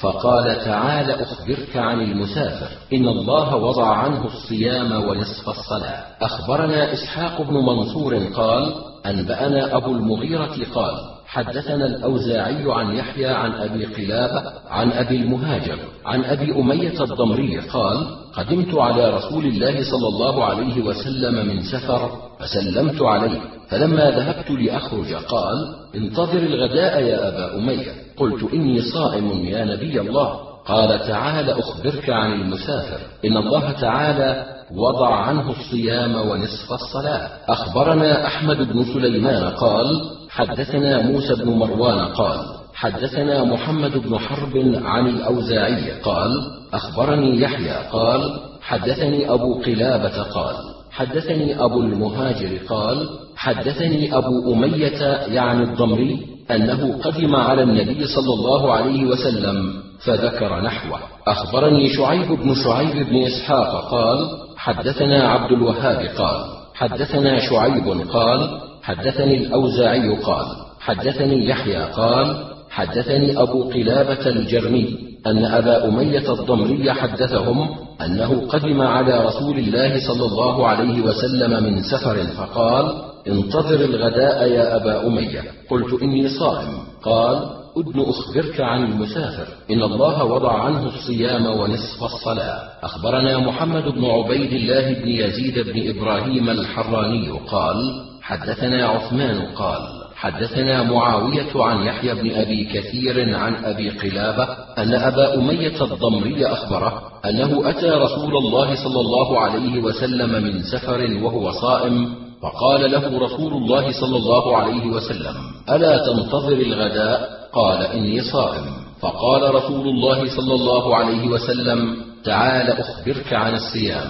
إن الله عز وجل وضع عن المسافر الصيام ونصف الصلاة. أخبرنا محمد بن المثنى قال حدثنا عثمان بن عمر قال أنبأنا علي عن يحيى عن أبي قلابة عن رجل أن أبا أمية أخبره أنه أتى النبي صلى الله عليه وسلم من سفر نحوه. أخبرنا عمر بن محمد بن الحسن بن التل قال حدثنا أبي قال حدثنا سفيان الثوري عن أيوب عن أبي قلابة عن أنس عن النبي صلى الله عليه وسلم قال إن الله وضع عن المسافر نصف الصلاة والصوم وعن الحبلى والمرضع أخبرنا محمد بن حاتم قال حدثنا حبان قال أنبأنا عبد الله عن ابن عيينة عن أيوب عن شيخ من قشير عن عمه.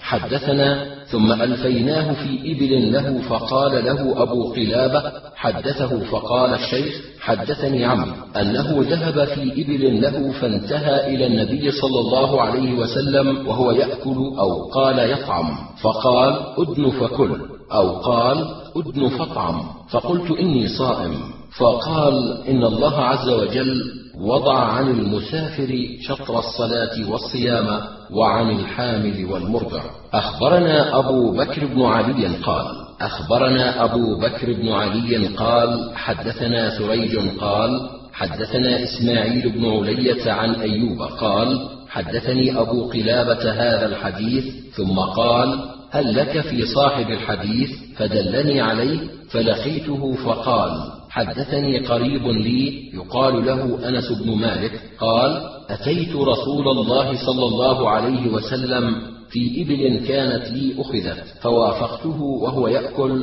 فدعاني إلى طعامه. فقلت إني صائم. فقال ابن أخبرك عن ذلك. إن الله وضع عن المسافر الصوم وشطر الصلاة. أخبرنا سويد بن نصر قال أنبأنا عبد الله عن خالد الحذاء عن أبي قلابة عن رجل قال أتيت النبي صلى الله عليه وسلم لحاجة فإذا هو يتغدى قال هلم إلى الغداء. فقلت إني صائم. قال هلم أخبرك عن الصوم. إن الله وضع عن المسافر نصف الصلاة والصوم ورخص للحبلى والمرضع أخبرنا سويد بن نصر قال أنبأنا عبد الله عن خالد الحذاء عن أبي العلاء بن الشخير عن رجل نحوه. أخبرنا قتيبة قال حدثنا أبو عوانة عن أبي بشر عن هانئ بن الشخير عن رجل من بلحريش عن أبيه قال كنت مسافرا فأتيت النبي صلى الله عليه وسلم وأنا صائم وهو يأكل. قال هلم. قلت إني صائم.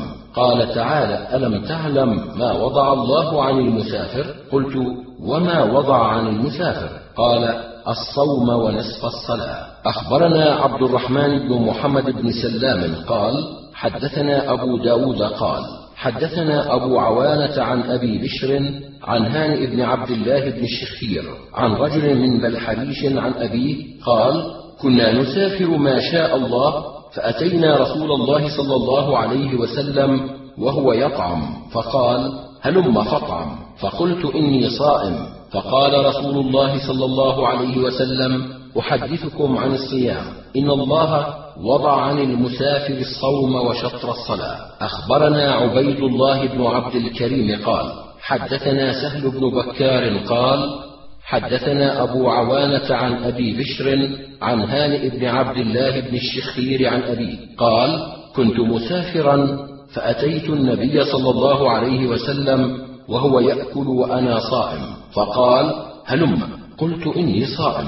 قال أتدري ما وضع الله عن المسافر؟ قلت وما وضع الله عن المسافر؟ قال الصوم وشطر الصلاة. أخبرنا أحمد بن سليمان قال حدثنا عبيد الله قال أنبأنا إسرائيل عن موسى هو ابن أبي عائشة عن غيلان قال خرجت مع أبي قلابة في سفر فقرب طعاما فقلت إني صائم فقال إن رسول الله صلى الله عليه وسلم خرج في سفر فقرب طعاما فقال لرجل أدن فطعم قال إني صائم قال إن الله وضع عن المسافر نصف الصلاة والصيام في السفر فادن فطعم فدنوت فطعمت. أخبرنا إسحاق بن إبراهيم قال حدثنا أبو معاوية قال حدثنا عاصم الأحول عن مورق العجلي عن أنس بن مالك قال كنا مع رسول الله صلى الله عليه وسلم في السفر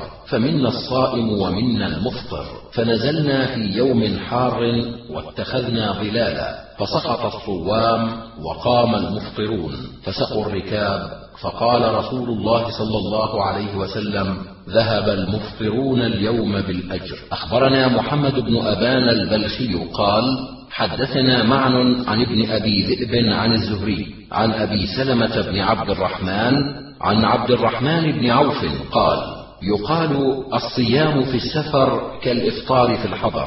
أخبرنا محمد بن يحيى بن أيوب قال حدثنا حماد بن الخياط وأبو عامر قالا حدثنا ابن أبي ذئب عن الزهري عن أبي سلمة عن عبد الرحمن بن عوف قال الصائم في السفر كالمفطر في الحضر. أخبرني محمد بن يحيى بن أيوب قال حدثنا أبو معاوية قال حدثنا ابن أبي ذئب عن الزهري عن حميد بن عبد الرحمن بن عوف عن ابيه قال الصائم في السفر كالمفطر في الحضر. أخبرنا محمد بن حاتم قال أنبأنا سويد قال أخبرنا عبد الله عن شعبة عن الحكم عن مقسم عن ابن عباس أن النبي صلى الله عليه وسلم خرج في رمضان فصام حتى أتى قديدا ثم أتي بقدح من لبن فشرب وأفطر هو وأصحابه. أخبرنا القاسم بن زكريا قال حدثنا سعيد بن عمرو قال حدثنا عبثر عن العلاء بن المسيب عن الحكم بن عتيبة عن مجاهد عن ابن عباس قال صام رسول الله صلى الله عليه وسلم من المدينة حتى أتى قديدا ثم أفطر حتى أتى مكة. أخبرنا زكريا بن يحيى قال أنبأنا الحسن بن عيسى قال أنبأنا ابن المبارك قال أنبأنا شعبة عن الحكم عن مقسم عن ابن عباس أن رسول الله صلى الله عليه وسلم صام في السفر حتى أتى قديدا ثم دعا بقدح من لبن فشرب فأفطر هو وأصحابه. أخبرنا إسماعيل بن مسعود قال حدثنا خالد عن شعبة عن منصور عن مجاهد عن ابن عباس قال خرج رسول الله صلى الله عليه وسلم إلى مكة فصام حتى أتى عسفان فدعا بقدح فشرب. قال شعبة في رمضان فكان ابن عباس يقول من شاء صام ومن شاء أفطر. أخبرنا محمد بن قدامة عن جرير عن منصور عن مجاهد عن طاووس عن ابن عباس قال سافر رسول الله صلى الله عليه وسلم في رمضان فصام حتى بلغ عسفان ثم دعا بإناء فشرب نهارا يراه الناس ثم أفطر. أخبرنا حميد بن مسعدة قال حدثنا سفيان عن العوام بن حوشب قال قلت لمجاهد الصوم في السفر. قال كان رسول الله صلى الله عليه وسلم يصوم ويفطر. أخبرني هلال بن العلاء قال حدثنا حسين قال حدثنا زهير قال حدثنا أبو إسحاق قال أخبرني مجاهد أن رسول الله صلى الله عليه وسلم صام في شهر رمضان وأفطر في السفر. أخبرنا محمد بن رافع قال حدثنا أزهر بن القاسم قال حدثنا هشام عن قتادة عن سليمان بن يسار عن حمزة بن عمرو الأسلمي أنه سأل رسول الله صلى الله عليه وسلم عن الصوم في السفر قال إن ثم ذكر كلمة معناها إن شئت صمت وإن شئت أفطرت أخبرنا قتيبة قال حدثنا الليث عن بكير عن سليمان بن يسار أن حمزة بن عمرو قال يا رسول الله مثله مرسل. أخبرنا سويد بن نصر قال أنبأنا عبد الله عن عبد الحميد بن جعفر عن عمران بن أبي أنس عن سليمان بن يسار عن حمزة قال سألت رسول الله صلى الله عليه وسلم عن الصوم في السفر. قال إن شئت أن تصوم فصم وإن شئت أن تفطر فأفطر. أخبرنا محمد بن بشار قال حدثنا أبو بكر قال حدثنا عبد الحميد بن جعفر عن عمران بن أبي أنس عن سليمان بن يسار عن حمزة بن عمرو قال سألت رسول الله صلى الله عليه وسلم عن الصوم في السفر. فقال إن شئت أن تصوم فصم وإن شئت أن تفطر فأفطر. أخبرنا الربيع بن سليمان قال حدثنا ابن وهب قال أخبرني عمرو بن الحارث والليث فذكر آخر عن بكير عن سليمان بن يسار عن حمزة بن عمرو الأسلمي قال يا رسول الله إني أجد قوة على الصيام في السفر. قال إن شئت فصم وإن شئت فأفطر. أخبرني هارون بن عبد الله قال حدثنا محمد بن بكر قال أنبأنا عبد الحميد بن جعفر قال أخبرني عمران بن أبي أنس عن أبي سلمة بن عبد الرحمن عن حمزة بن عمرو أنه سأل رسول الله صلى الله عليه وسلم عن الصوم في السفر قال إن شئت أن تصوم فصم وإن شئت أن تفطر فأفطر. أخبرنا عمران بن بكار قال حدثنا أحمد بن خالد قال حدثنا محمد عن عمران بن أبي أنس عن سليمان بن يسار وحنظلة بن علي قال حدثاني جميعا عن حمزة بن عمرو قال: كنت أسرد الصيام على عهد رسول الله صلى الله عليه وسلم، فقلت يا رسول الله إني أسرد الصيام في السفر، فقال: إن شئت فصم، وإن شئت فأفطر. أخبرنا عبيد الله بن سعد بن إبراهيم قال: حدثنا عمي قال: حدثنا أبي عن ابن إسحاق عن عمران بن أبي أنس عن حنظلة بن علي عن حمزة قال: قلت يا نبي الله إني رجل أسرد الصيام أفأصوم في السفر؟ قال إن شئت فصم وإن شئت فأفطر. أخبرنا عبيد الله بن سعد قال حدثنا عمي قال حدثنا أبي عن ابن إسحاق قال حدثني عمران بن أبي أنس أن سليمان بن يسار حدثه أن أبا مراوح حدثه أن حمزة بن عمرو حدثه أنه سأل رسول الله صلى الله عليه وسلم وكان رجلا يصوم في السفر فقال إن شئت فصم وإن شئت فأفطر. أخبرنا الربيع بن سليمان قال أنبأنا ابن وهب قال أنبأنا عمرو وذكر آخر عن أبي الأسود عن عروة عن أبي مراوح عن حمزة بن عمرو أنه قال لرسول الله صلى الله عليه وسلم أجد في قوة على الصيام في السفر فهل علي جناح؟ قال هي رخصة من الله عز وجل فمن أخذ بها فحسن ومن أحب أن يصوم فلا جناح عليه. أخبرنا محمد بن إسماعيل بن إبراهيم عن محمد بن بشر عن هشام بن عروة عن أبيه عن حمزة بن عمرو الأسلمي أنه سأل رسول الله صلى الله عليه وسلم أصوم في السفر؟ قال إن شئت فصم وإن شئت فأفطر. أخبرنا علي بن الحسن اللاني بالكوفة قال حدثنا عبد الرحيم الرازي عن هشام عن عروة عن عائشة عن حمزة بن عمرو أنه قال يا رسول الله إني رجل أصوم أفأصوم في السفر؟ قال إن شئت فصم وإن شئت فأفطر. أخبرنا محمد بن سلمة قال أنبأنا ابن القاسم قال حدثني مالك عن هشام بن عروة عن أبيه عن عائشة قالت إن حمزة قال لرسول الله صلى الله عليه وسلم يا رسول الله أصوم في السفر؟ وكان كثير الصيام فقال له رسول الله صلى الله عليه وسلم إن شئت فصم وإن شئت فأفطر.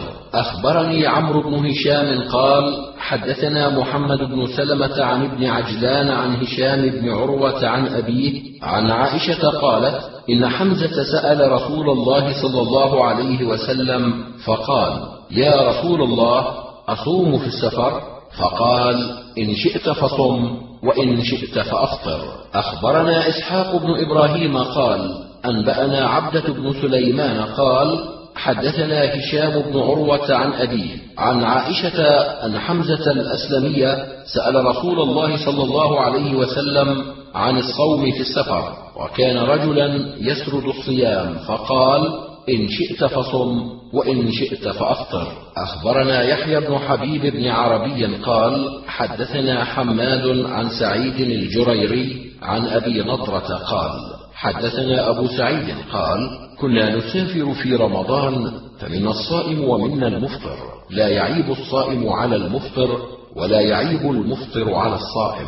أخبرنا سعيد بن يعقوب الطالقاني قال حدثنا خالد وهو ابن عبد الله الواسطي عن أبي سلمة عن أبي نضرة عن أبي سعيد قال كنا نسافر مع النبي صلى الله عليه وسلم فمنا الصائم ومنا المفطر ولا يعيب الصائم على المفطر ولا يعيب المفطر على الصائم.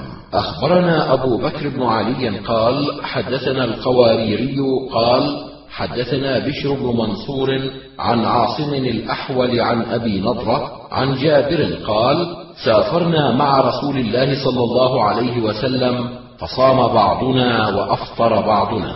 أخبرني أيوب بن محمد قال حدثنا مروان قال حدثنا عاصم عن أبي نضرة المنذر عن أبي سعيد وجابر بن عبد الله أنهما سافرا مع رسول الله صلى الله عليه وسلم فيصوم الصائم ويفطر المفطر ولا يعيب الصائم على المفطر ولا المفطر على الصائم. أخبرنا قتيبة قال حدثنا سفيان عن الزهري عن عبيد الله بن عبد الله عن ابن عباس قال خرج رسول الله صلى الله عليه وسلم عام الفتح صائما في رمضان حتى إذا كان بالكديد أفطر.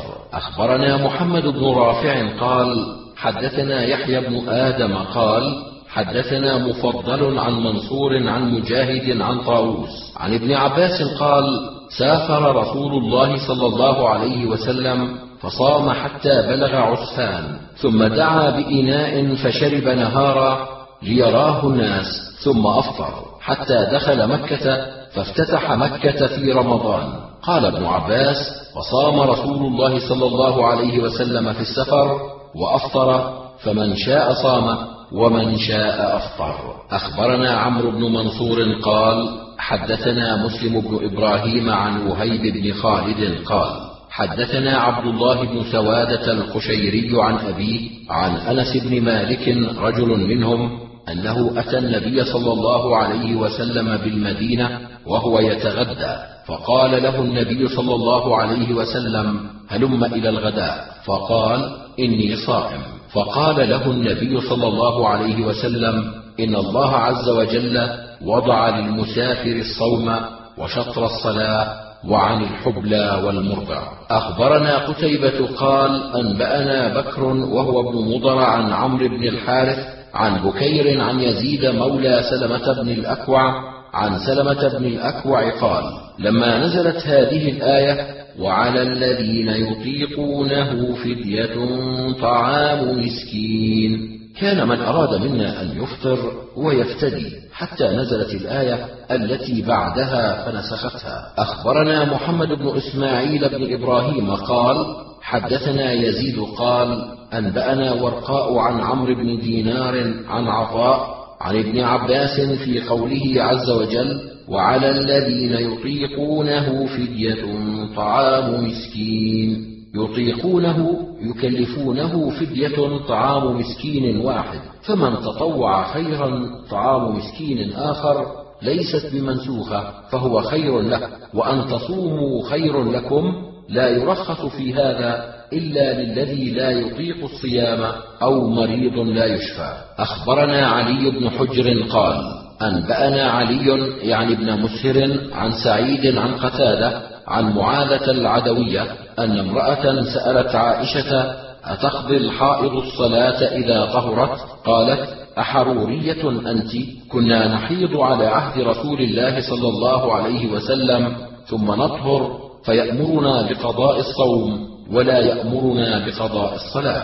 أخبرنا عمرو بن علي قال حدثنا يحيى قال حدثنا يحيى بن سعيد قال سمعت أبا سلمة يحدث عن عائشة قالت إن كان ليكون علي الصيام من رمضان فما أقضيه حتى يجيء شعبان.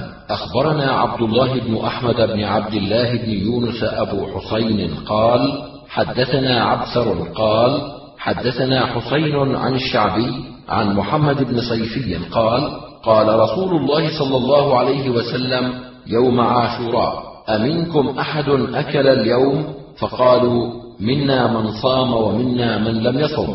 قال فأتموا بقية يومكم وابعثوا إلى أهل العروض فليتموا بقية يومهم. أخبرنا محمد بن المثنى قال حدثنا يحيى عن يزيد قال حدثنا سلمة أن رسول الله صلى الله عليه وسلم قال لرجل أذن يوم عاشوراء. من كان أكل فليتم بقية يومه ومن لم يكن أكل فليصم. أخبرنا عمرو بن منصور قال حدثنا عاصم بن يوسف قال حدثنا أبو الأحوص عن طلحة بن يحيى بن طلحة عن مجاهد عن عائشة قالت دخل علي رسول الله صلى الله عليه وسلم يوما فقال هل عندكم شيء؟ فقلت لا. قال فإني صائم. ثم مر بي بعد ذلك اليوم وقد أهدي إلي حيس فخبأت له منه وكان يحب الحيس قالت يا رسول الله إنه أهدي لنا حيث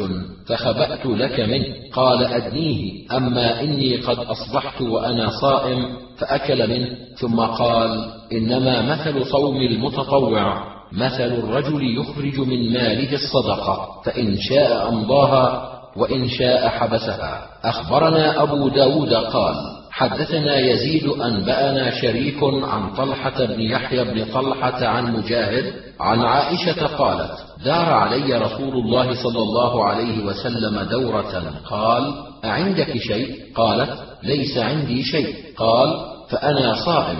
قالت ثم دار علي الثانية. وقد أهدي لنا حيث فجئت به فأكل فعجبت منه فقلت يا رسول الله دخلت علي وأنت صائم ثم أكلت حيسا قال نعم يا عائشة إنما منزلة من صام في غير رمضان أو غير قضاء رمضان أو في التطوع بمنزلة رجل أخرج صدقة ماله فجاد منها بما شاء فأمضاه وبخل منها بما بقي فأمسكه. أخبرنا عبد الله بن الهيثم قال حدثنا أبو بكر الحنفي قال حدثنا سفيان عن طلحة بن يحيى عن مجاهد عن عائشة قالت كان رسول الله صلى الله عليه وسلم يجيء ويقول هل عندكم غداء؟ فنقول لا فيقول إني صائم.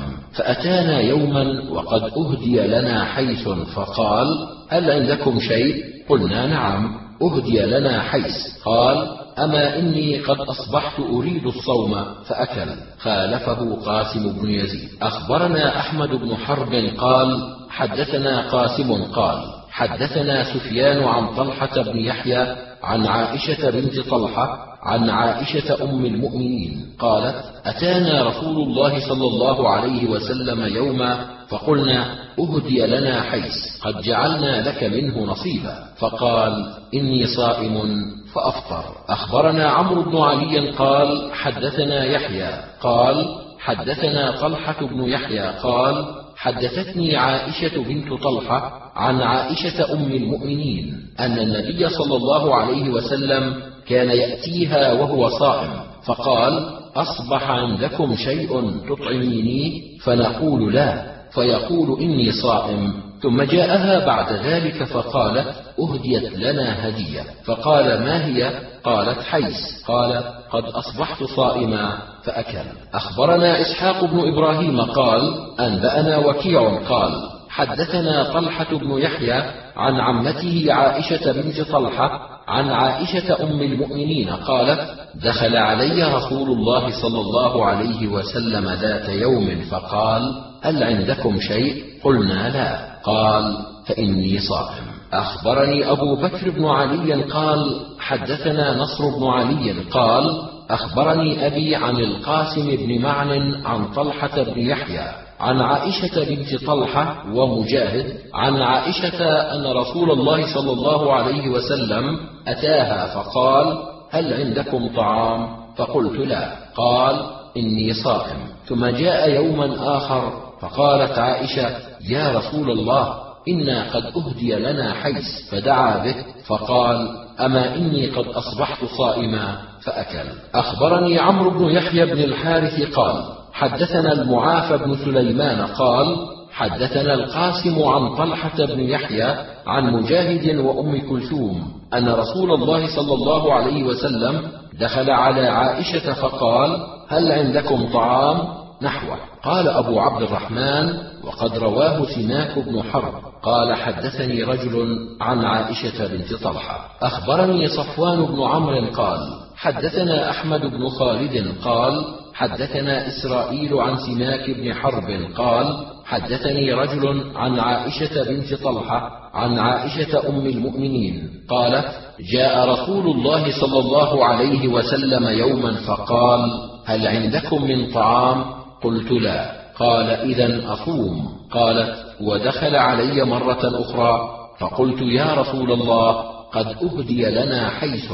فقال اذا أفطر اليوم وقد فرضت الصوم. أخبرني القاسم بن زكريا بن دينار قال حدثنا سعيد بن شرحبيل قال انبانا الليث عن يحيى بن أيوب عن عبد الله بن أبي بكر عن سالم بن عبد الله عن عبد الله بن عمر عن حفصة عن النبي صلى الله عليه وسلم قال من لم يبيت الصيام قبل الفجر فلا صيام له. أخبرنا عبد الملك بن شعيب بن الليث بن سعد قال حدثني أبي عن جدي. قال حدثني يحيى بن أيوب عن عبد الله بن أبي بكر عن ابن شهاب عن سالم عن عبد الله عن حفصة عن النبي صلى الله عليه وسلم قال من لم يبيت الصيام قبل الفجر فلا صيام له. أخبرني محمد بن عبد الله بن عبد الحكم عن أشهب قال أخبرني يحيى بن أيوب وذكر آخر أن عبد الله بن أبي بكر بن محمد بن عمرو بن حزم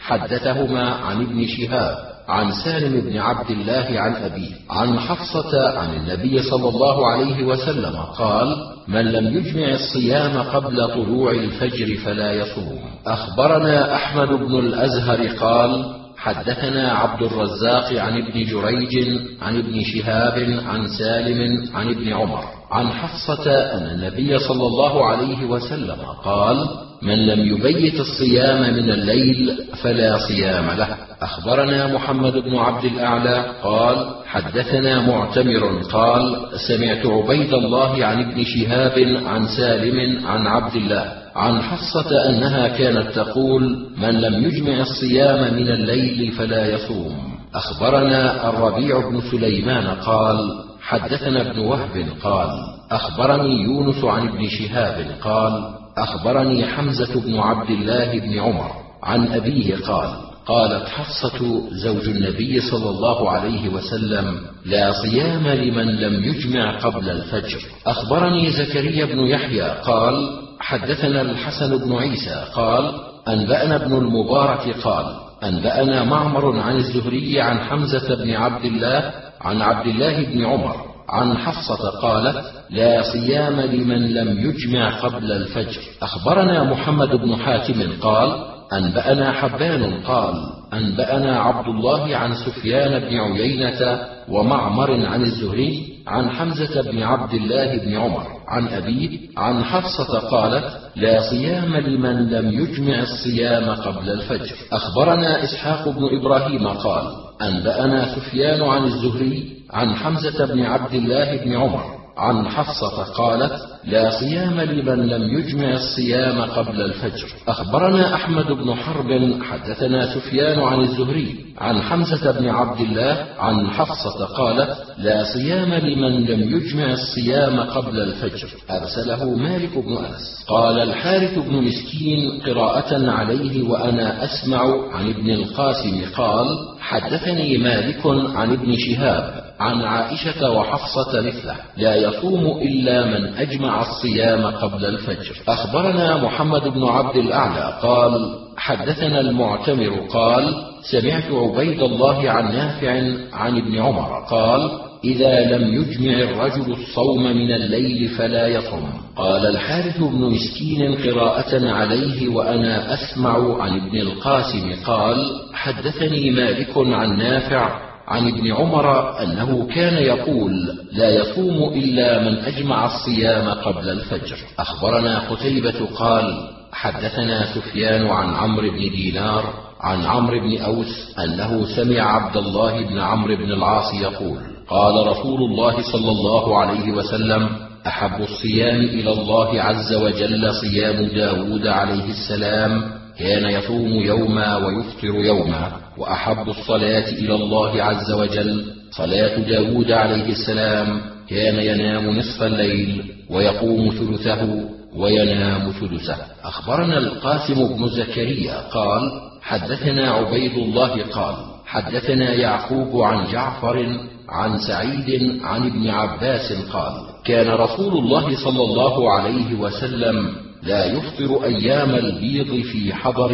ولا سفر. أخبرنا محمد بن بشار قال حدثنا محمد قال حدثنا شعبة عن أبي بشر عن سعيد بن جبير عن ابن عباس قال كان رسول الله صلى الله عليه وسلم يصوم حتى نقول لا يفطر ويفطر حتى نقول ما يريد أن يصوم وما صام شهرا متتابعا غير رمضان منذ قدم المدينة. أخبرنا محمد بن النضر بن مساور المروزي قال حدثنا حماد عن مروان أبي لبابة عن عائشة قالت كان رسول الله صلى الله عليه وسلم يصوم حتى نقول ما يريد أن يفطر ويفطر حتى نقول ما يريد أن يصوم. أخبرنا إسماعيل بن مسعود عن خالد قال حدثنا سعيد قال حدثنا قتادة عن زرارة بن أوفى عن سعد بن هشام عن عائشة قالت لا أعلم نبي الله صلى الله عليه وسلم قرأ القرآن كله في ليلة ولا قام ليلة حتى الصباح ولا صام شهرا قط كاملا غير رمضان. أخبرنا قتيبة قال حدثنا حماد عن أيوب عن عبد الله بن شقيق قال سألت عائشة عن صيام النبي صلى الله عليه وسلم.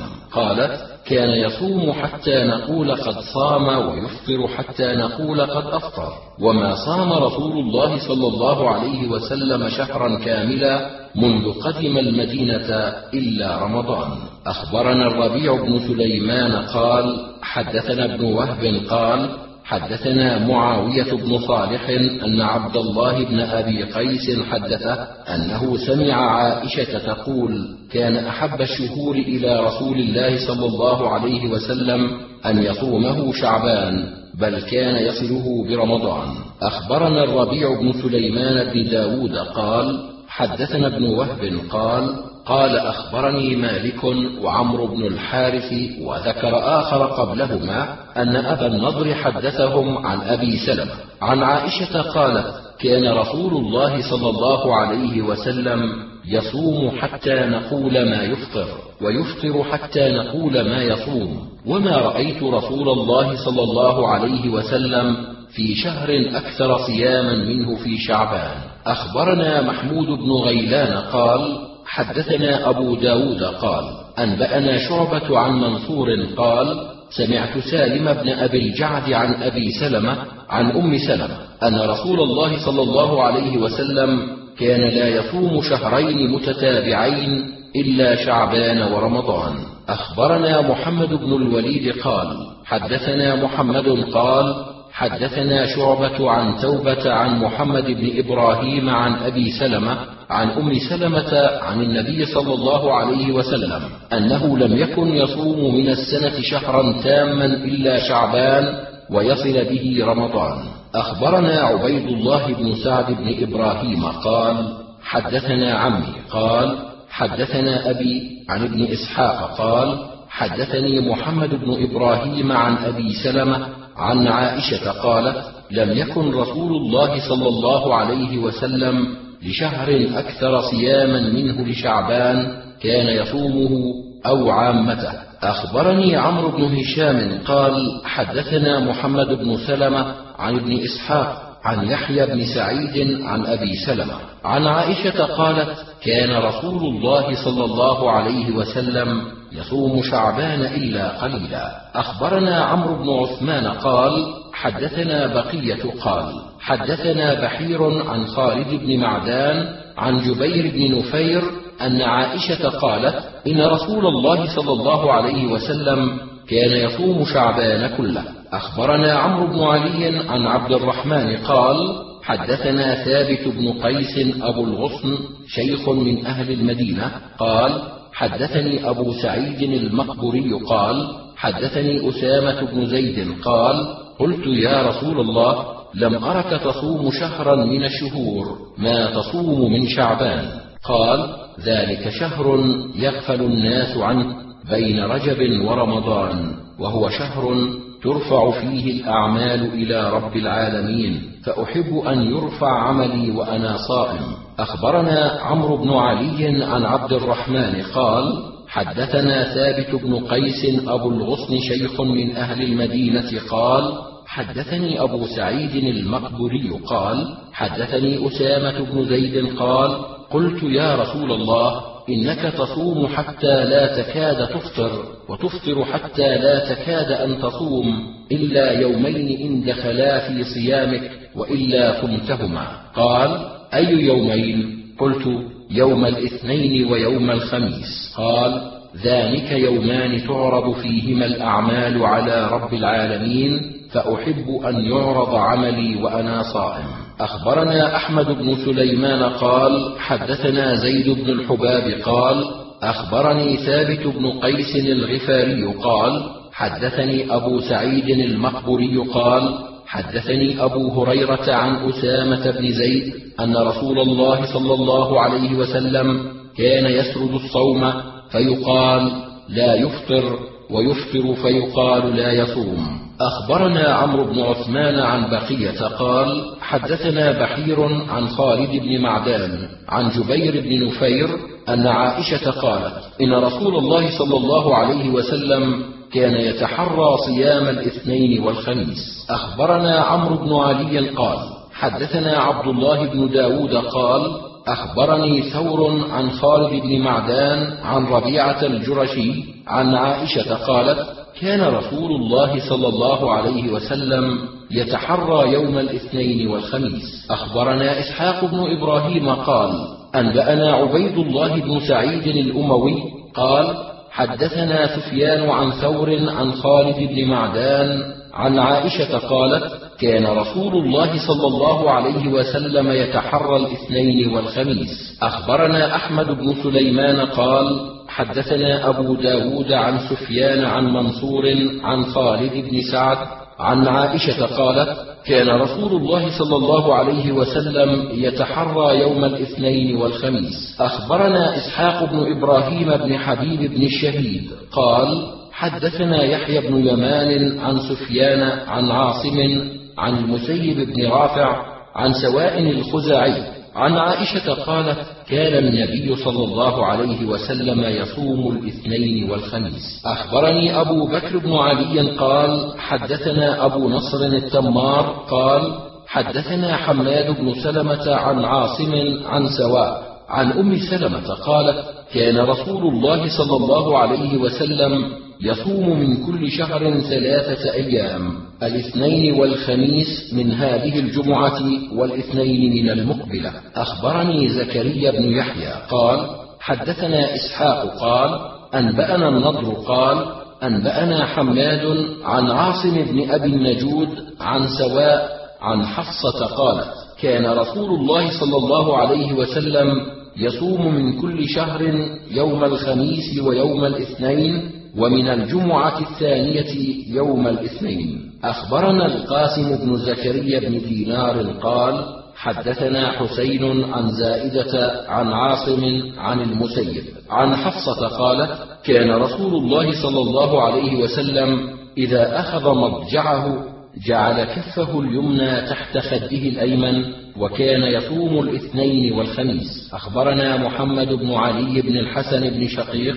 قال أبي أنبأنا أبو حمزة عن عاصم عن زر عن عبد الله بن مسعود قال كان رسول الله صلى الله عليه وسلم يصوم ثلاثة أيام من غرة كل شهر وقلما يفطر يوم الجمعة. أخبرنا زكريا بن يحيى قال حدثنا أبو كامل قال حدثنا أبو عوانة عن عاصم بن بهدلة عن رجل عن الأسود بن هلال عن أبي هريرة قال أمرني رسول الله صلى الله عليه وسلم بركعتي الضحى وأن لا أنام إلا على وتر وصيام ثلاثة أيام من الشهر. أخبرنا قتيبة قال حدثنا سفيان عن عبيد الله أنه سمع ابن عباس وسئل عن صيام عاشوراء. قال ما علمت النبي صلى الله عليه وسلم صام يوما يتحرى فضله على الأيام إلا هذا اليوم يعني شهر رمضان ويوم عاشوراء. أخبرنا قتيبة عن سفيان عن الزهري عن حميد بن عبد الرحمن بن عوف قال سمعت معاوية يوم عاشوراء وهو على المنبر يقول يا أهل المدينة أين علماؤكم؟ سمعت رسول الله صلى الله عليه وسلم يقول في هذا اليوم إني صائم فمن شاء أن يصوم فليصم. أخبرني زكريا بن يحيى قال حدثنا شيبان قال حدثنا أبو عوانة عن الحر بن صياح عن هنيدة بن خالد عن امرأته قالت حدثتني بعض نساء النبي صلى الله عليه وسلم أن النبي صلى الله عليه وسلم كان يصوم يوم عاشوراء وتسعا من ذي الحجة وثلاثة أيام من الشهر أول اثنين من الشهر وخميسين. أخبرني حاجب بن سليمان قال حدثنا الحارث بن عطية قال حدثنا الأوزاعي عن عطاء بن أبي رباح عن عبد الله بن عمر قال قال رسول الله صلى الله عليه وسلم من صام الأبد فلا صام. حدثنا عيسى بن مساور عن الوليد قال حدثنا الأوزاعي قال أخبرني عطاء عن عبد الله وأنبأنا محمد بن عبد الله قال حدثني الوليد عن الأوزاعي قال حدثنا عطاء عن عبد الله بن عمر قال قال رسول الله صلى الله عليه وسلم من صام الأبد فلا صام ولا أفطر. أخبرنا العباس بن الوليد قال حدثنا أبي وعقبة عن الأوزاعي قال حدثني من سمع ابن عمر يقول قال النبي صلى الله عليه وسلم من صام الأبد فلا صام. أخبرنا إسماعيل بن يعقوب قال حدثنا محمد بن موسى قال حدثنا أبي عن الأوزاعي عن عطاء قال حدثني من سمع ابن عمر أن النبي صلى الله عليه وسلم قال من صام الأبد فلا صام. أخبرنا أحمد بن إبراهيم بن محمد قال حدثنا ابن عائذ قال حدثنا يحيى عن الأوزاعي عن عطاء أنه حدثه قال حدثني من سمع عبد الله بن عمرو بن العاص قال قال رسول الله صلى الله عليه وسلم من صام الأبد فلا صام ولا أفطر.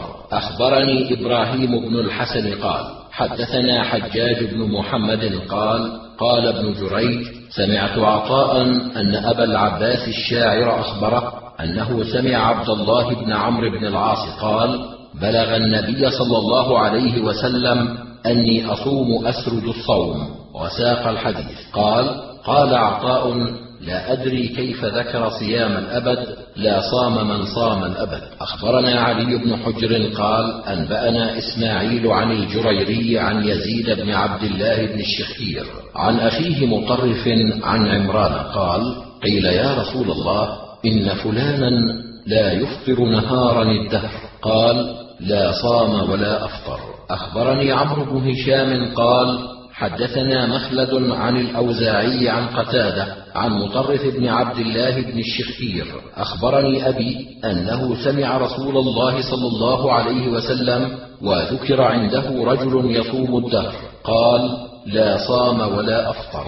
أخبرنا محمد بن المثنى قال حدثنا أبو داود قال حدثنا شعبة عن قتادة قال سمعت مطرف بن عبد الله بن الشخير يحدث عن أبيه أن رسول الله صلى الله عليه وسلم قال في صوم الدهر لا صام ولا أفطر. أخبرني هارون بن عبد الله قال حدثنا الحسن بن موسى قال أنبأنا أبو هلال قال حدثنا غيلان وهو ابن جرير قال حدثنا عبد الله وهو ابن معبد الزماني عن أبي قتادة عن عمر قال كنا مع رسول الله صلى الله عليه وسلم فمررنا برجل فقالوا يا نبي الله هذا لا يفطر منذ كذا وكذا. فقال لا صام ولا أفطر. أخبرنا محمد بن بشار قال حدثنا محمد قال حدثنا شعبة عن غيلان أنه سمع عبد الله بن معبد الزماني عن أبي قتادة أن رسول الله صلى الله عليه وسلم سئل عن صومه فغضب.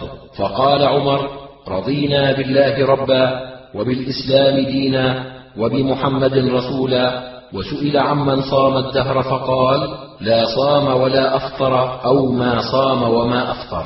أخبرنا يحيى بن حبيب بن عربي قال حدثنا حماد عن هشام عن أبيه عن عائشة أن حمزة بن عمرو الأسلمي سأل رسول الله صلى الله عليه وسلم فقال يا رسول الله إني رجل اسرد الصوم أفأصوم في السفر؟ قال صم إن شئت أو أفطر إن شئت. أخبرنا محمد بن بشار قال حدثنا عبد الرحمن قال حدثنا سفيان عن الأعمش عن أبي عمار عن عمرو بن شرحبيل عن رجل من أصحاب النبي صلى الله عليه وسلم قال قيل للنبي صلى الله عليه وسلم رجل يصوم الدهر. قال وددت أنه لم يطعم الدهر. قالوا فثلثيه؟ قال أكثر. قالوا فنصفه؟ قال أكثر. ثم قال ألا أخبركم بما يذهب وحر الصدر؟ صوم ثلاثة أيام من كل شهر. أخبرنا محمد بن العلاء قال حدثنا أبو معاوية قال حدثنا الأعمش عن أبي عمار عن عمرو بن شرحبيل قال أتى رسول الله صلى الله عليه وسلم رجل فقال يا رسول الله ما تقول في رجل صام الدهر كله؟ فقال رسول الله صلى الله عليه وسلم وددت أنه لم يطعم الدهر شيئا.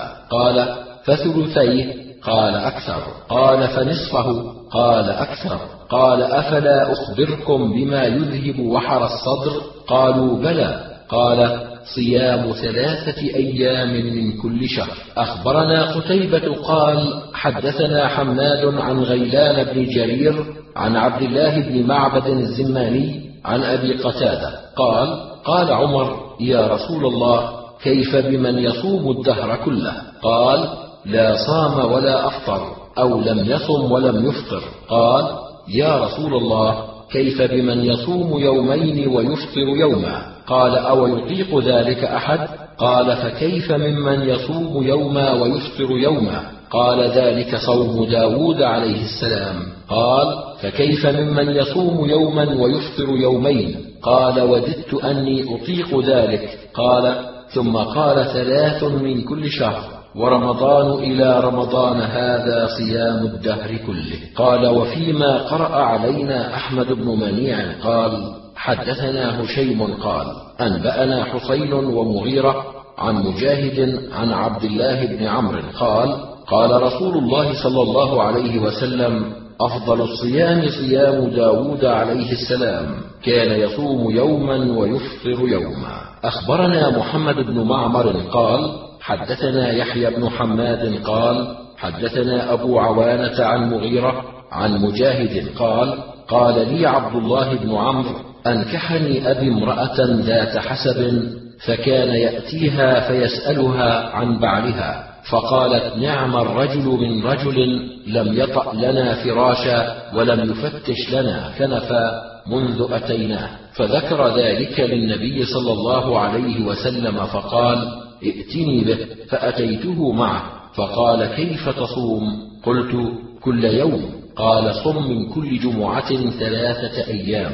قلت إني أطيق أفضل من ذلك. قال صم يومين وأفطر يوما. قال إني أطيق أفضل من ذلك. قال صم أفضل الصيام صيام داود عليه السلام صوم يوم وفطر يوم. أخبرنا أبو حصين عبد الله بن أحمد بن عبد الله بن يونس قال حدثنا عبثر قال حدثنا حسين عن مجاهد عن عبد الله بن عمرو قال زوجني أبي امرأة فجاء يزورها فقال كيف ترين بعلك فقالت نعم الرجل من رجل لا ينام الليل ولا يفطر النهار فوقع بي وقال زوجتك امرأة من المسلمين فعضلتها قال فجعلت لا ألتفت إلى قوله مما أرى عندي من القوة والاجتهاد. فبلغ ذلك النبي صلى الله عليه وسلم فقال لكني أنا أقوم وأنام وأصوم وأفطر فقم ونم وصم وأفطر. قال صم من كل شهر ثلاثة أيام. فقلت أنا أقوى من ذلك. قال صم صوم داود عليه السلام صم يوما وأفطر يوما. قلت أنا أقوى من ذلك. قال اقرأ القرآن في كل شهر. ثم انتهى إلى خمس عشرة وأنا أقول أنا أقوى من ذلك. أخبرنا يحيى بن درست قال حدثنا أبو إسماعيل قال حدثنا يحيى بن أبي كثير أن أبا سلمة حدثه أن عبد الله قال دخل رسول الله صلى الله عليه وسلم حجرتي فقال ألم أخبر أنك تقوم الليل وتصوم النهار؟ قال بلى. قال فلا تفعلن. نم وقم وصم وأفطر فإن لعينك عليك حقا وإن لجسدك عليك حقا وإن لزوجتك عليك حقا وإن لضيفك عليك حقا وإن لصديقك عليك حقا وإنه عسى أن يطول بك عمر. وأنه حسبك أن تصوم من كل شهر ثلاثة فذلك صيام الدهر كله والحسنة بعشر أمثالها. قلت إني أجد قوة فشددت فشدد علي. قال صم من كل جمعة ثلاثة أيام.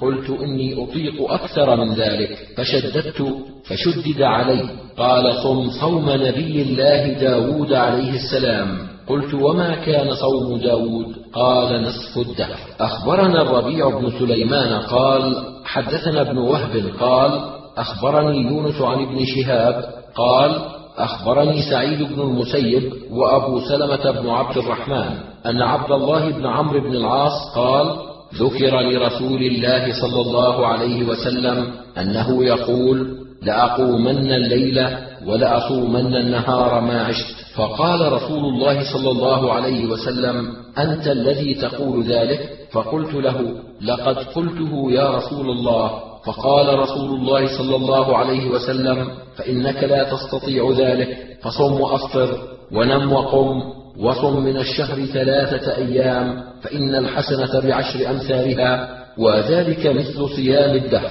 قلت فإني أطيق أفضل من ذلك. قال صم يوما وأفطر يومين. فقلت إني أطيق أفضل من ذلك يا رسول الله. قال فصم يوما وأفطر يوما وذلك صيام داود وهو أعدل الصيام.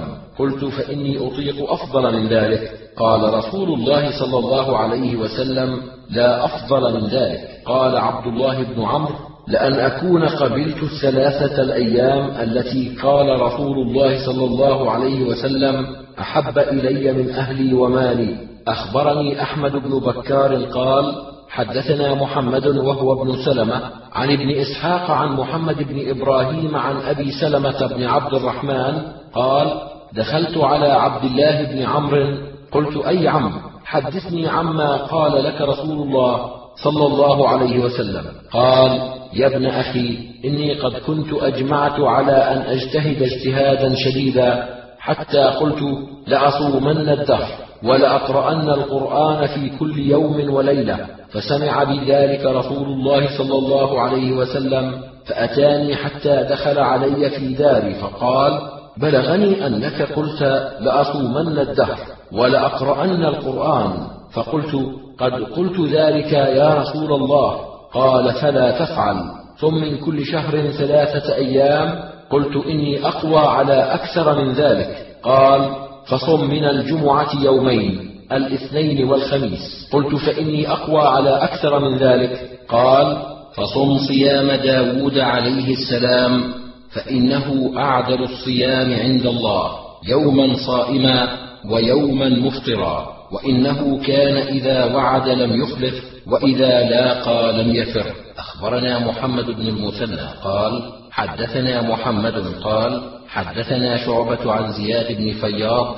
سمعت أبا عياض يحدث عن عبد الله بن عمرو أن رسول الله صلى الله عليه وسلم قال له صم يوما ولك أجر ما بقي. قال إني أطيق أكثر من ذلك. قال صم يومين ولك أجر ما بقي. قال إني أطيق أكثر من ذلك. قال صم ثلاثة أيام ولك أجر ما بقي. قال إني أطيق أكثر من ذلك. قال صم أربعة أيام ولك أجر ما بقي. قال إني أطيق أكثر من ذلك. قال صم أفضل الصيام عند الله. صوم داود عليه السلام كان يصوم يوما ويفطر يوما. أخبرنا محمد بن عبد الأعلى قال حدثنا المعتمر عن أبيه قال حدثنا أبو العلاء عن مطرف عن ابن أبي ربيعة عن عبد الله بن عمرو قال ذكرت للنبي صلى الله عليه وسلم الصوم فقال صم من كل عشرة أيام يوما ولك أجر تلك التسعة. فقلت إني أقوى من ذلك. قال صم من كل تسعة أيام يوما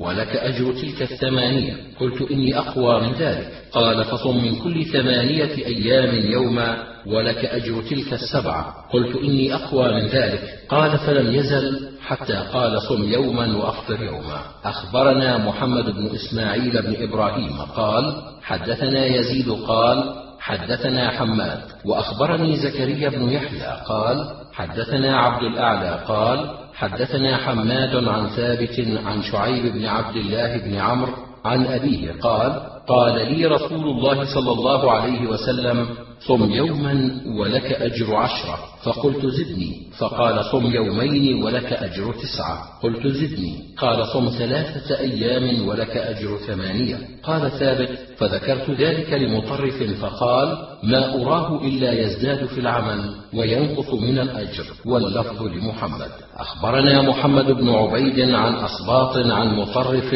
عن حبيب بن أبي ثابت عن أبي العباس عن عبد الله بن عمرو قال قال رسول الله صلى الله عليه وسلم إنه بلغني أنك تقوم الليل وتصوم النهار. قلت يا رسول الله ما أردت بذلك إلا الخير. قال لا صام من صام الأبد ولكن أدلك على صوم الدهر ثلاثة أيام من الشهر. قلت يا رسول الله إني أطيق أكثر من ذلك. قال صم خمسة أيام. قلت إني أطيق أكثر من ذلك. قال فصم عشرا. فقلت إني أطيق أكثر من ذلك. قال صم صوم داود عليه السلام.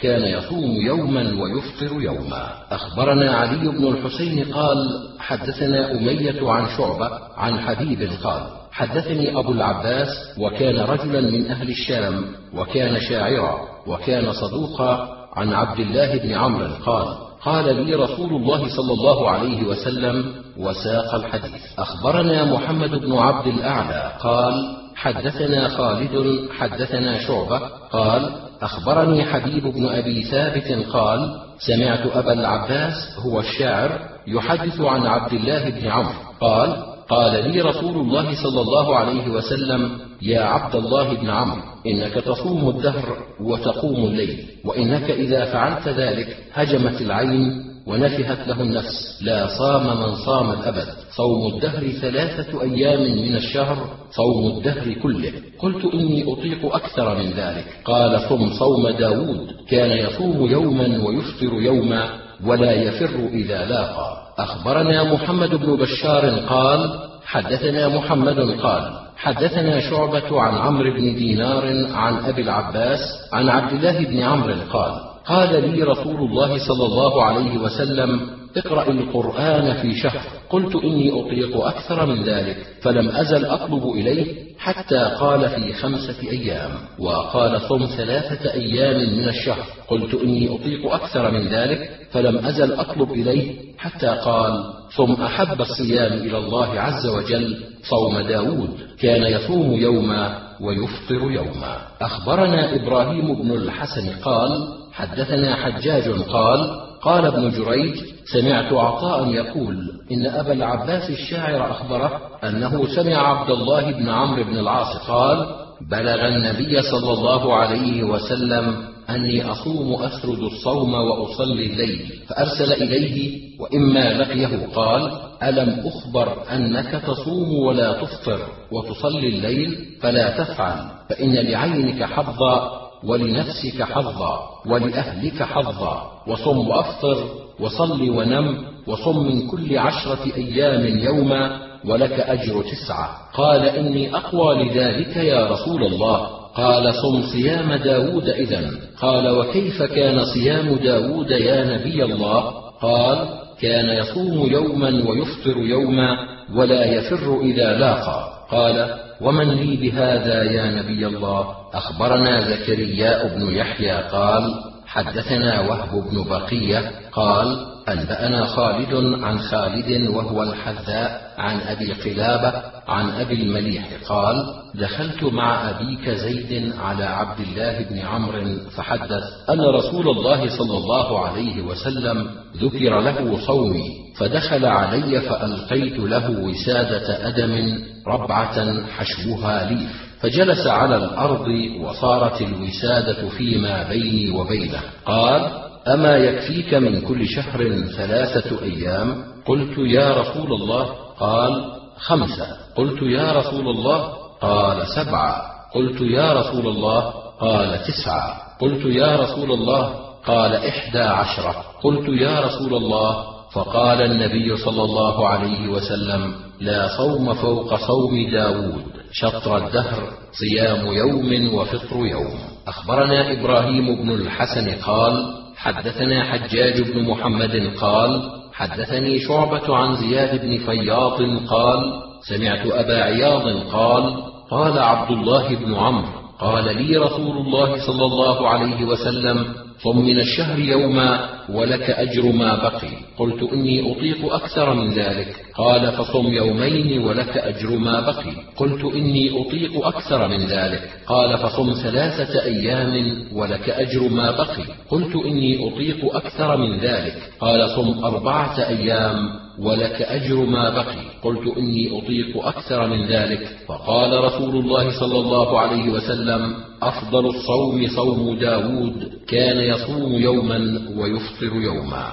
أخبرنا علي بن حجر قال حدثنا إسماعيل قال حدثنا محمد بن أبي حرملة عن عطاء بن يسار عن أبي ذر قال أوصاني حبيبي صلى الله عليه وسلم بثلاثة لا أدعهن إن شاء الله تعالى أبدا. أوصاني بصلاة الضحى وبالوتر قبل النوم وبصيام ثلاثة أيام من كل شهر. أخبرنا محمد بن علي بن الحسن قال سمعت أبي قال أنبأنا أبو حمزة عن عاصم عن الأسود بن هلال عن أبي هريرة قال أمرني رسول الله صلى الله عليه وسلم بثلاث بنوم على وتر والغسل يوم الجمعة وصوم ثلاثة أيام من كل شهر. أخبرنا زكريا بن يحيى قال حدثنا أبو كامل قال حدثنا أبو عوانة عن عاصم بن بهدلة عن رجل عن الأسود بن هلال. عن أبي هريرة قال أمرني رسول الله صلى الله عليه وسلم بركعتي الضحى وأن لا أنام إلا على وتر وصيام ثلاثة أيام من كل شهر. أخبرنا محمد بن رافع حدثنا أبو النضر حدثنا أبو معاوية عن عاصم عن الأسود بن هلال عن أبي هريرة رضي الله عنه قال أمرني رسول الله صلى الله عليه وسلم بنوم على وتر والغسل يوم الجمعة وصيام ثلاثة أيام من كل شهر. أخبرنا زكريا بن يحيى قال حدثنا عبد الأعلى قال حدثنا حماد بن سلمة عن ثابت عن أبي عثمان أن أبا هريرة قال سمعت رسول الله صلى الله عليه وسلم يقول شهر الصبر وثلاثة أيام من كل شهر صوم الدهر. أخبرنا علي بن الحسن اللاني بالكوفة عن عبد الرحيم وهو ابن سليمان عن عاصم الأحول عن أبي عثمان عن أبي ذر قال قال رسول الله صلى الله عليه وسلم من صام ثلاثة أيام من الشهر فقد صام الدهر كله ثم قال صدق الله في كتابه من جاء بالحسنة فله عشر أمثالها أخبرنا محمد بن حاتم قال أنبأنا حبان قال أنبأنا عبد الله عن عاصم عن أبي عثمان عن رجل قال أبو ذر سمعت رسول الله صلى الله عليه وسلم يقول من صام ثلاثة أيام من كل شهر فقد تم صوم الشهر أو فله صوم الشهر. شك عاصم. أخبرنا قتيبة قال حدثنا الليث عن يزيد بن أبي حبيب عن سعيد بن أبي هند أن مطرفا حدثه أن عثمان بن أبي العاص قال سمعت رسول الله صلى الله عليه وسلم يقول صيام حسن ثلاثة أيام من الشهر. أخبرنا زكريا بن يحيى قال أنبأنا أبو مصعب عن مغيرة بن عبد الرحمن عن عبد الله بن سعيد بن أبي هند عن محمد بن إسحاق عن سعيد بن أبي هند قال عثمان بن أبي العاص نحوه مرسل. أخبرنا يوسف بن سعيد قال حدثنا حجاج عن شريك عن الحر بن صياح قال سمعت ابن عمر يقول كان النبي صلى الله عليه وسلم يصوم ثلاثة أيام من كل شهر. أخبرنا الحسن بن محمد الزعفراني قال حدثنا سعيد بن سليمان عن شريك عن الحر بن صياح عن ابن عمر أن رسول الله صلى الله عليه وسلم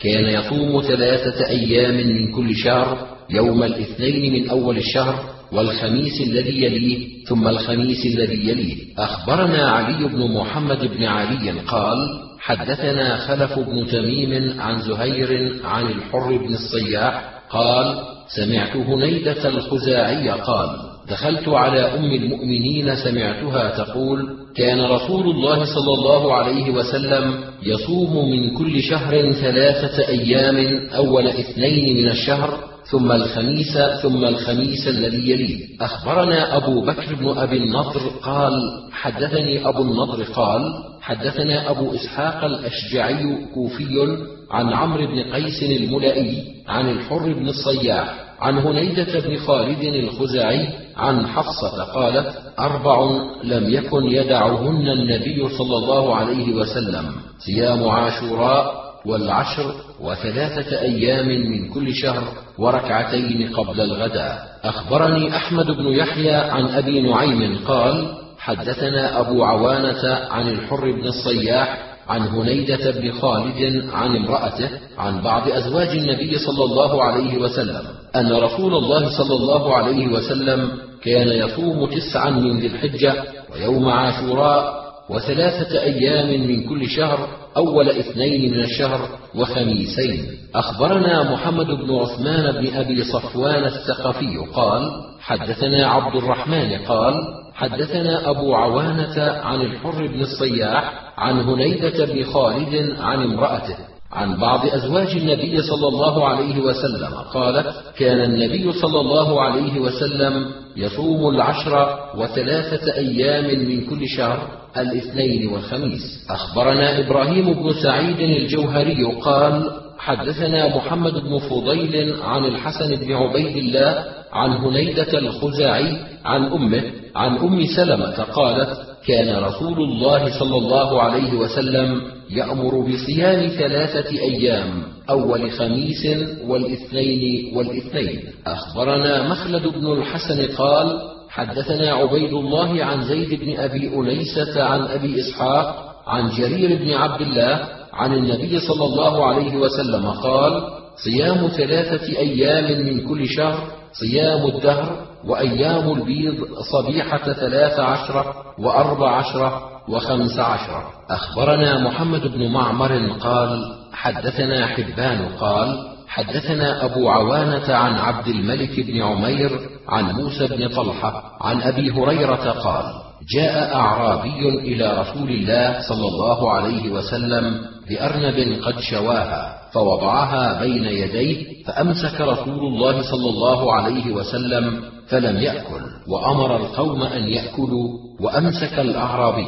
فقال له النبي صلى الله عليه وسلم ما يمنعك أن تأكل؟ قال إني صائم ثلاثة أيام من الشهر. قال إن كنت صائما فصم الغر. أخبرنا محمد بن عبد العزيز قال أنبأنا الفضل بن موسى عن فطر عن يحيى بن سام عن موسى بن طلحة عن أبي ذر قال أمرنا رسول الله صلى الله عليه وسلم أن نصوم من الشهر ثلاثة أيام البيض ثلاث عشرة وأربع عشرة وخمس عشرة. أخبرنا عمرو بن يزيد قال حدثنا عبد الرحمن قال حدثنا شعبة عن الأعمش قال سمعت يحيى بن سام عن موسى بن طلحة عن أبي ذر قال أمرنا رسول الله صلى الله عليه وسلم أن نصوم من الشهر ثلاثة أيام البيض ثلاث عشرة وأربع عشرة وخمس عشرة. أخبرنا عمرو بن يزيد قال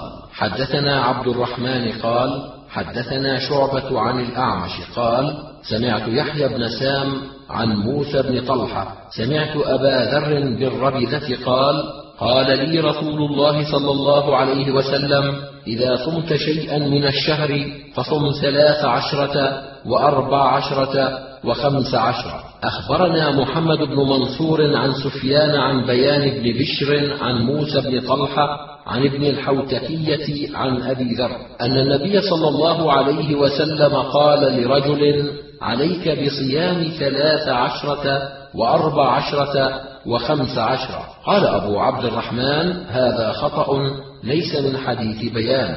ولعل سفيان قال حدثنا اثنان فسقط الألف فصار بيان. أخبرنا محمد بن المثنى قال حدثنا سفيان قال حدثنا رجلان محمد وحكيم عن موسى بن طلحة عن ابن الحوتكية عن أبي ذر أن النبي صلى الله عليه وسلم أمر رجلا بصيام ثلاث عشرة وأربع عشرة وخمس عشرة. أخبرنا أحمد بن عثمان بن حكيم عن بكر عن عيسى عن محمد عن الحكم عن موسى بن طلحة عن ابن الحوتكية قال قال أبي جاء أعرابي إلى رسول الله صلى الله عليه وسلم ومعه أرنب قد شواها وخبز فوضعها بين يدي النبي صلى الله عليه وسلم ثم قال إني وجدتها تدمى.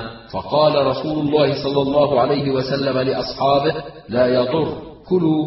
وقال للأعرابي كل. قال إني صائم. قال صوم ماذا؟ قال صوم ثلاثة أيام من الشهر. قال إن كنت صائما فعليك بالغر البيض. ثلاث عشرة وأربع عشرة وخمس عشرة. قال أبو عبد الرحمن الصواب عن أبي ذر ويشبه أن يكون وقع من أخبرنا عمرو بن يحيى بن الحارث قال حدثنا المعافى بن سليمان قال حدثنا القاسم بن معن عن طلحة بن يحيى عن موسى بن طلحة أن رجلا أتى النبي صلى الله عليه وسلم بأرنب وكان النبي صلى الله عليه وسلم مد يده إليها فقال الذي جاء بها إني رأيت بها دما فكف رسول الله صلى الله عليه وسلم يده وأمر القوم أن يأكلوا. وكان في القوم رجل منتبذ فقال النبي صلى الله عليه وسلم ما لك؟ قال إني صائم.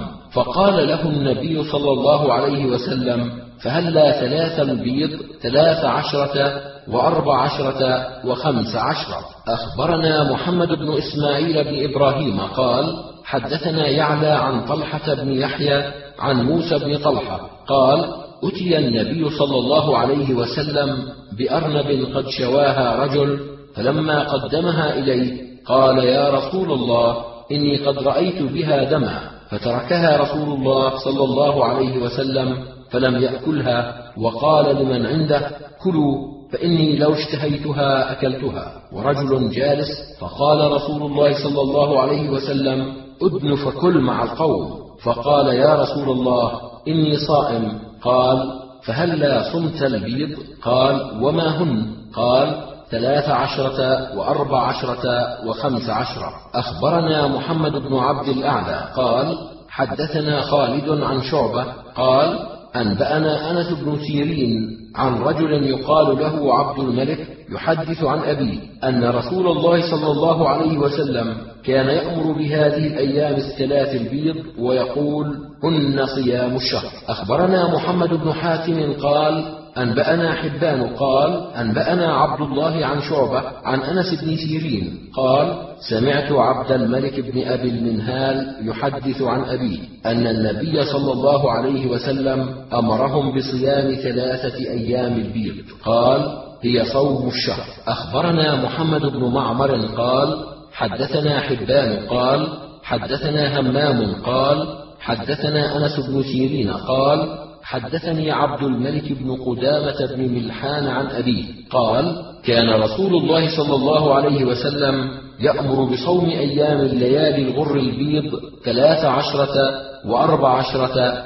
وخمس عشرة. أخبرنا عمرو بن علي قال حدثني سيف بن عبيد الله من خيار الخلق. قال حدثنا الأسود بن شيبان عن أبي نوفل بن أبي عقرب عن أبيه. قال سألت رسول الله صلى الله عليه وسلم عن الصوم فقال صم يوما من الشهر. قلت يا رسول الله زدني زدني. قال تقول يا رسول الله زدني زدني يومين من كل شهر.